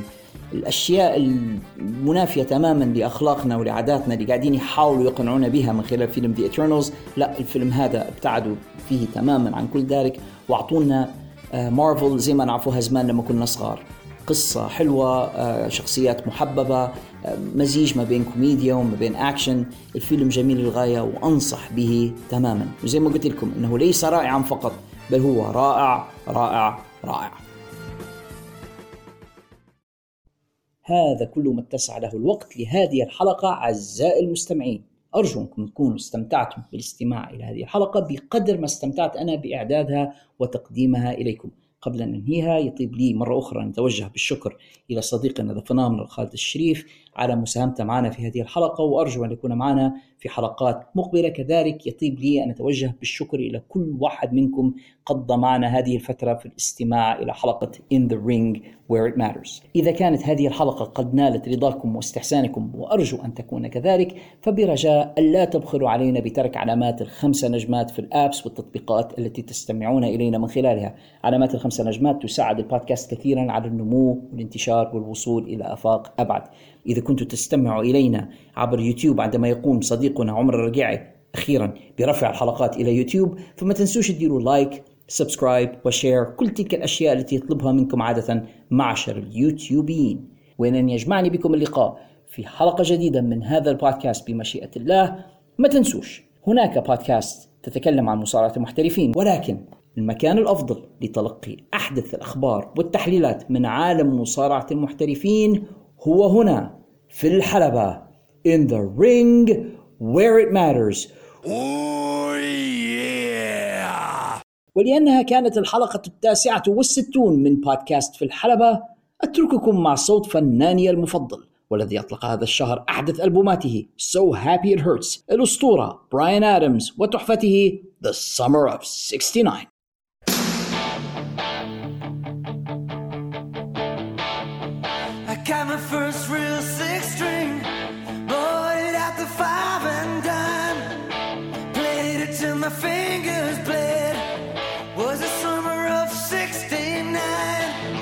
ولن يجمعني بكم اللقاء في حلقة مقبلة من هذا البودكاست. استودعكم الله الذي لا تضيع ودائعه. والسلام عليكم ورحمة الله وبركاته. كان معكم محدثكم ذا على الشيء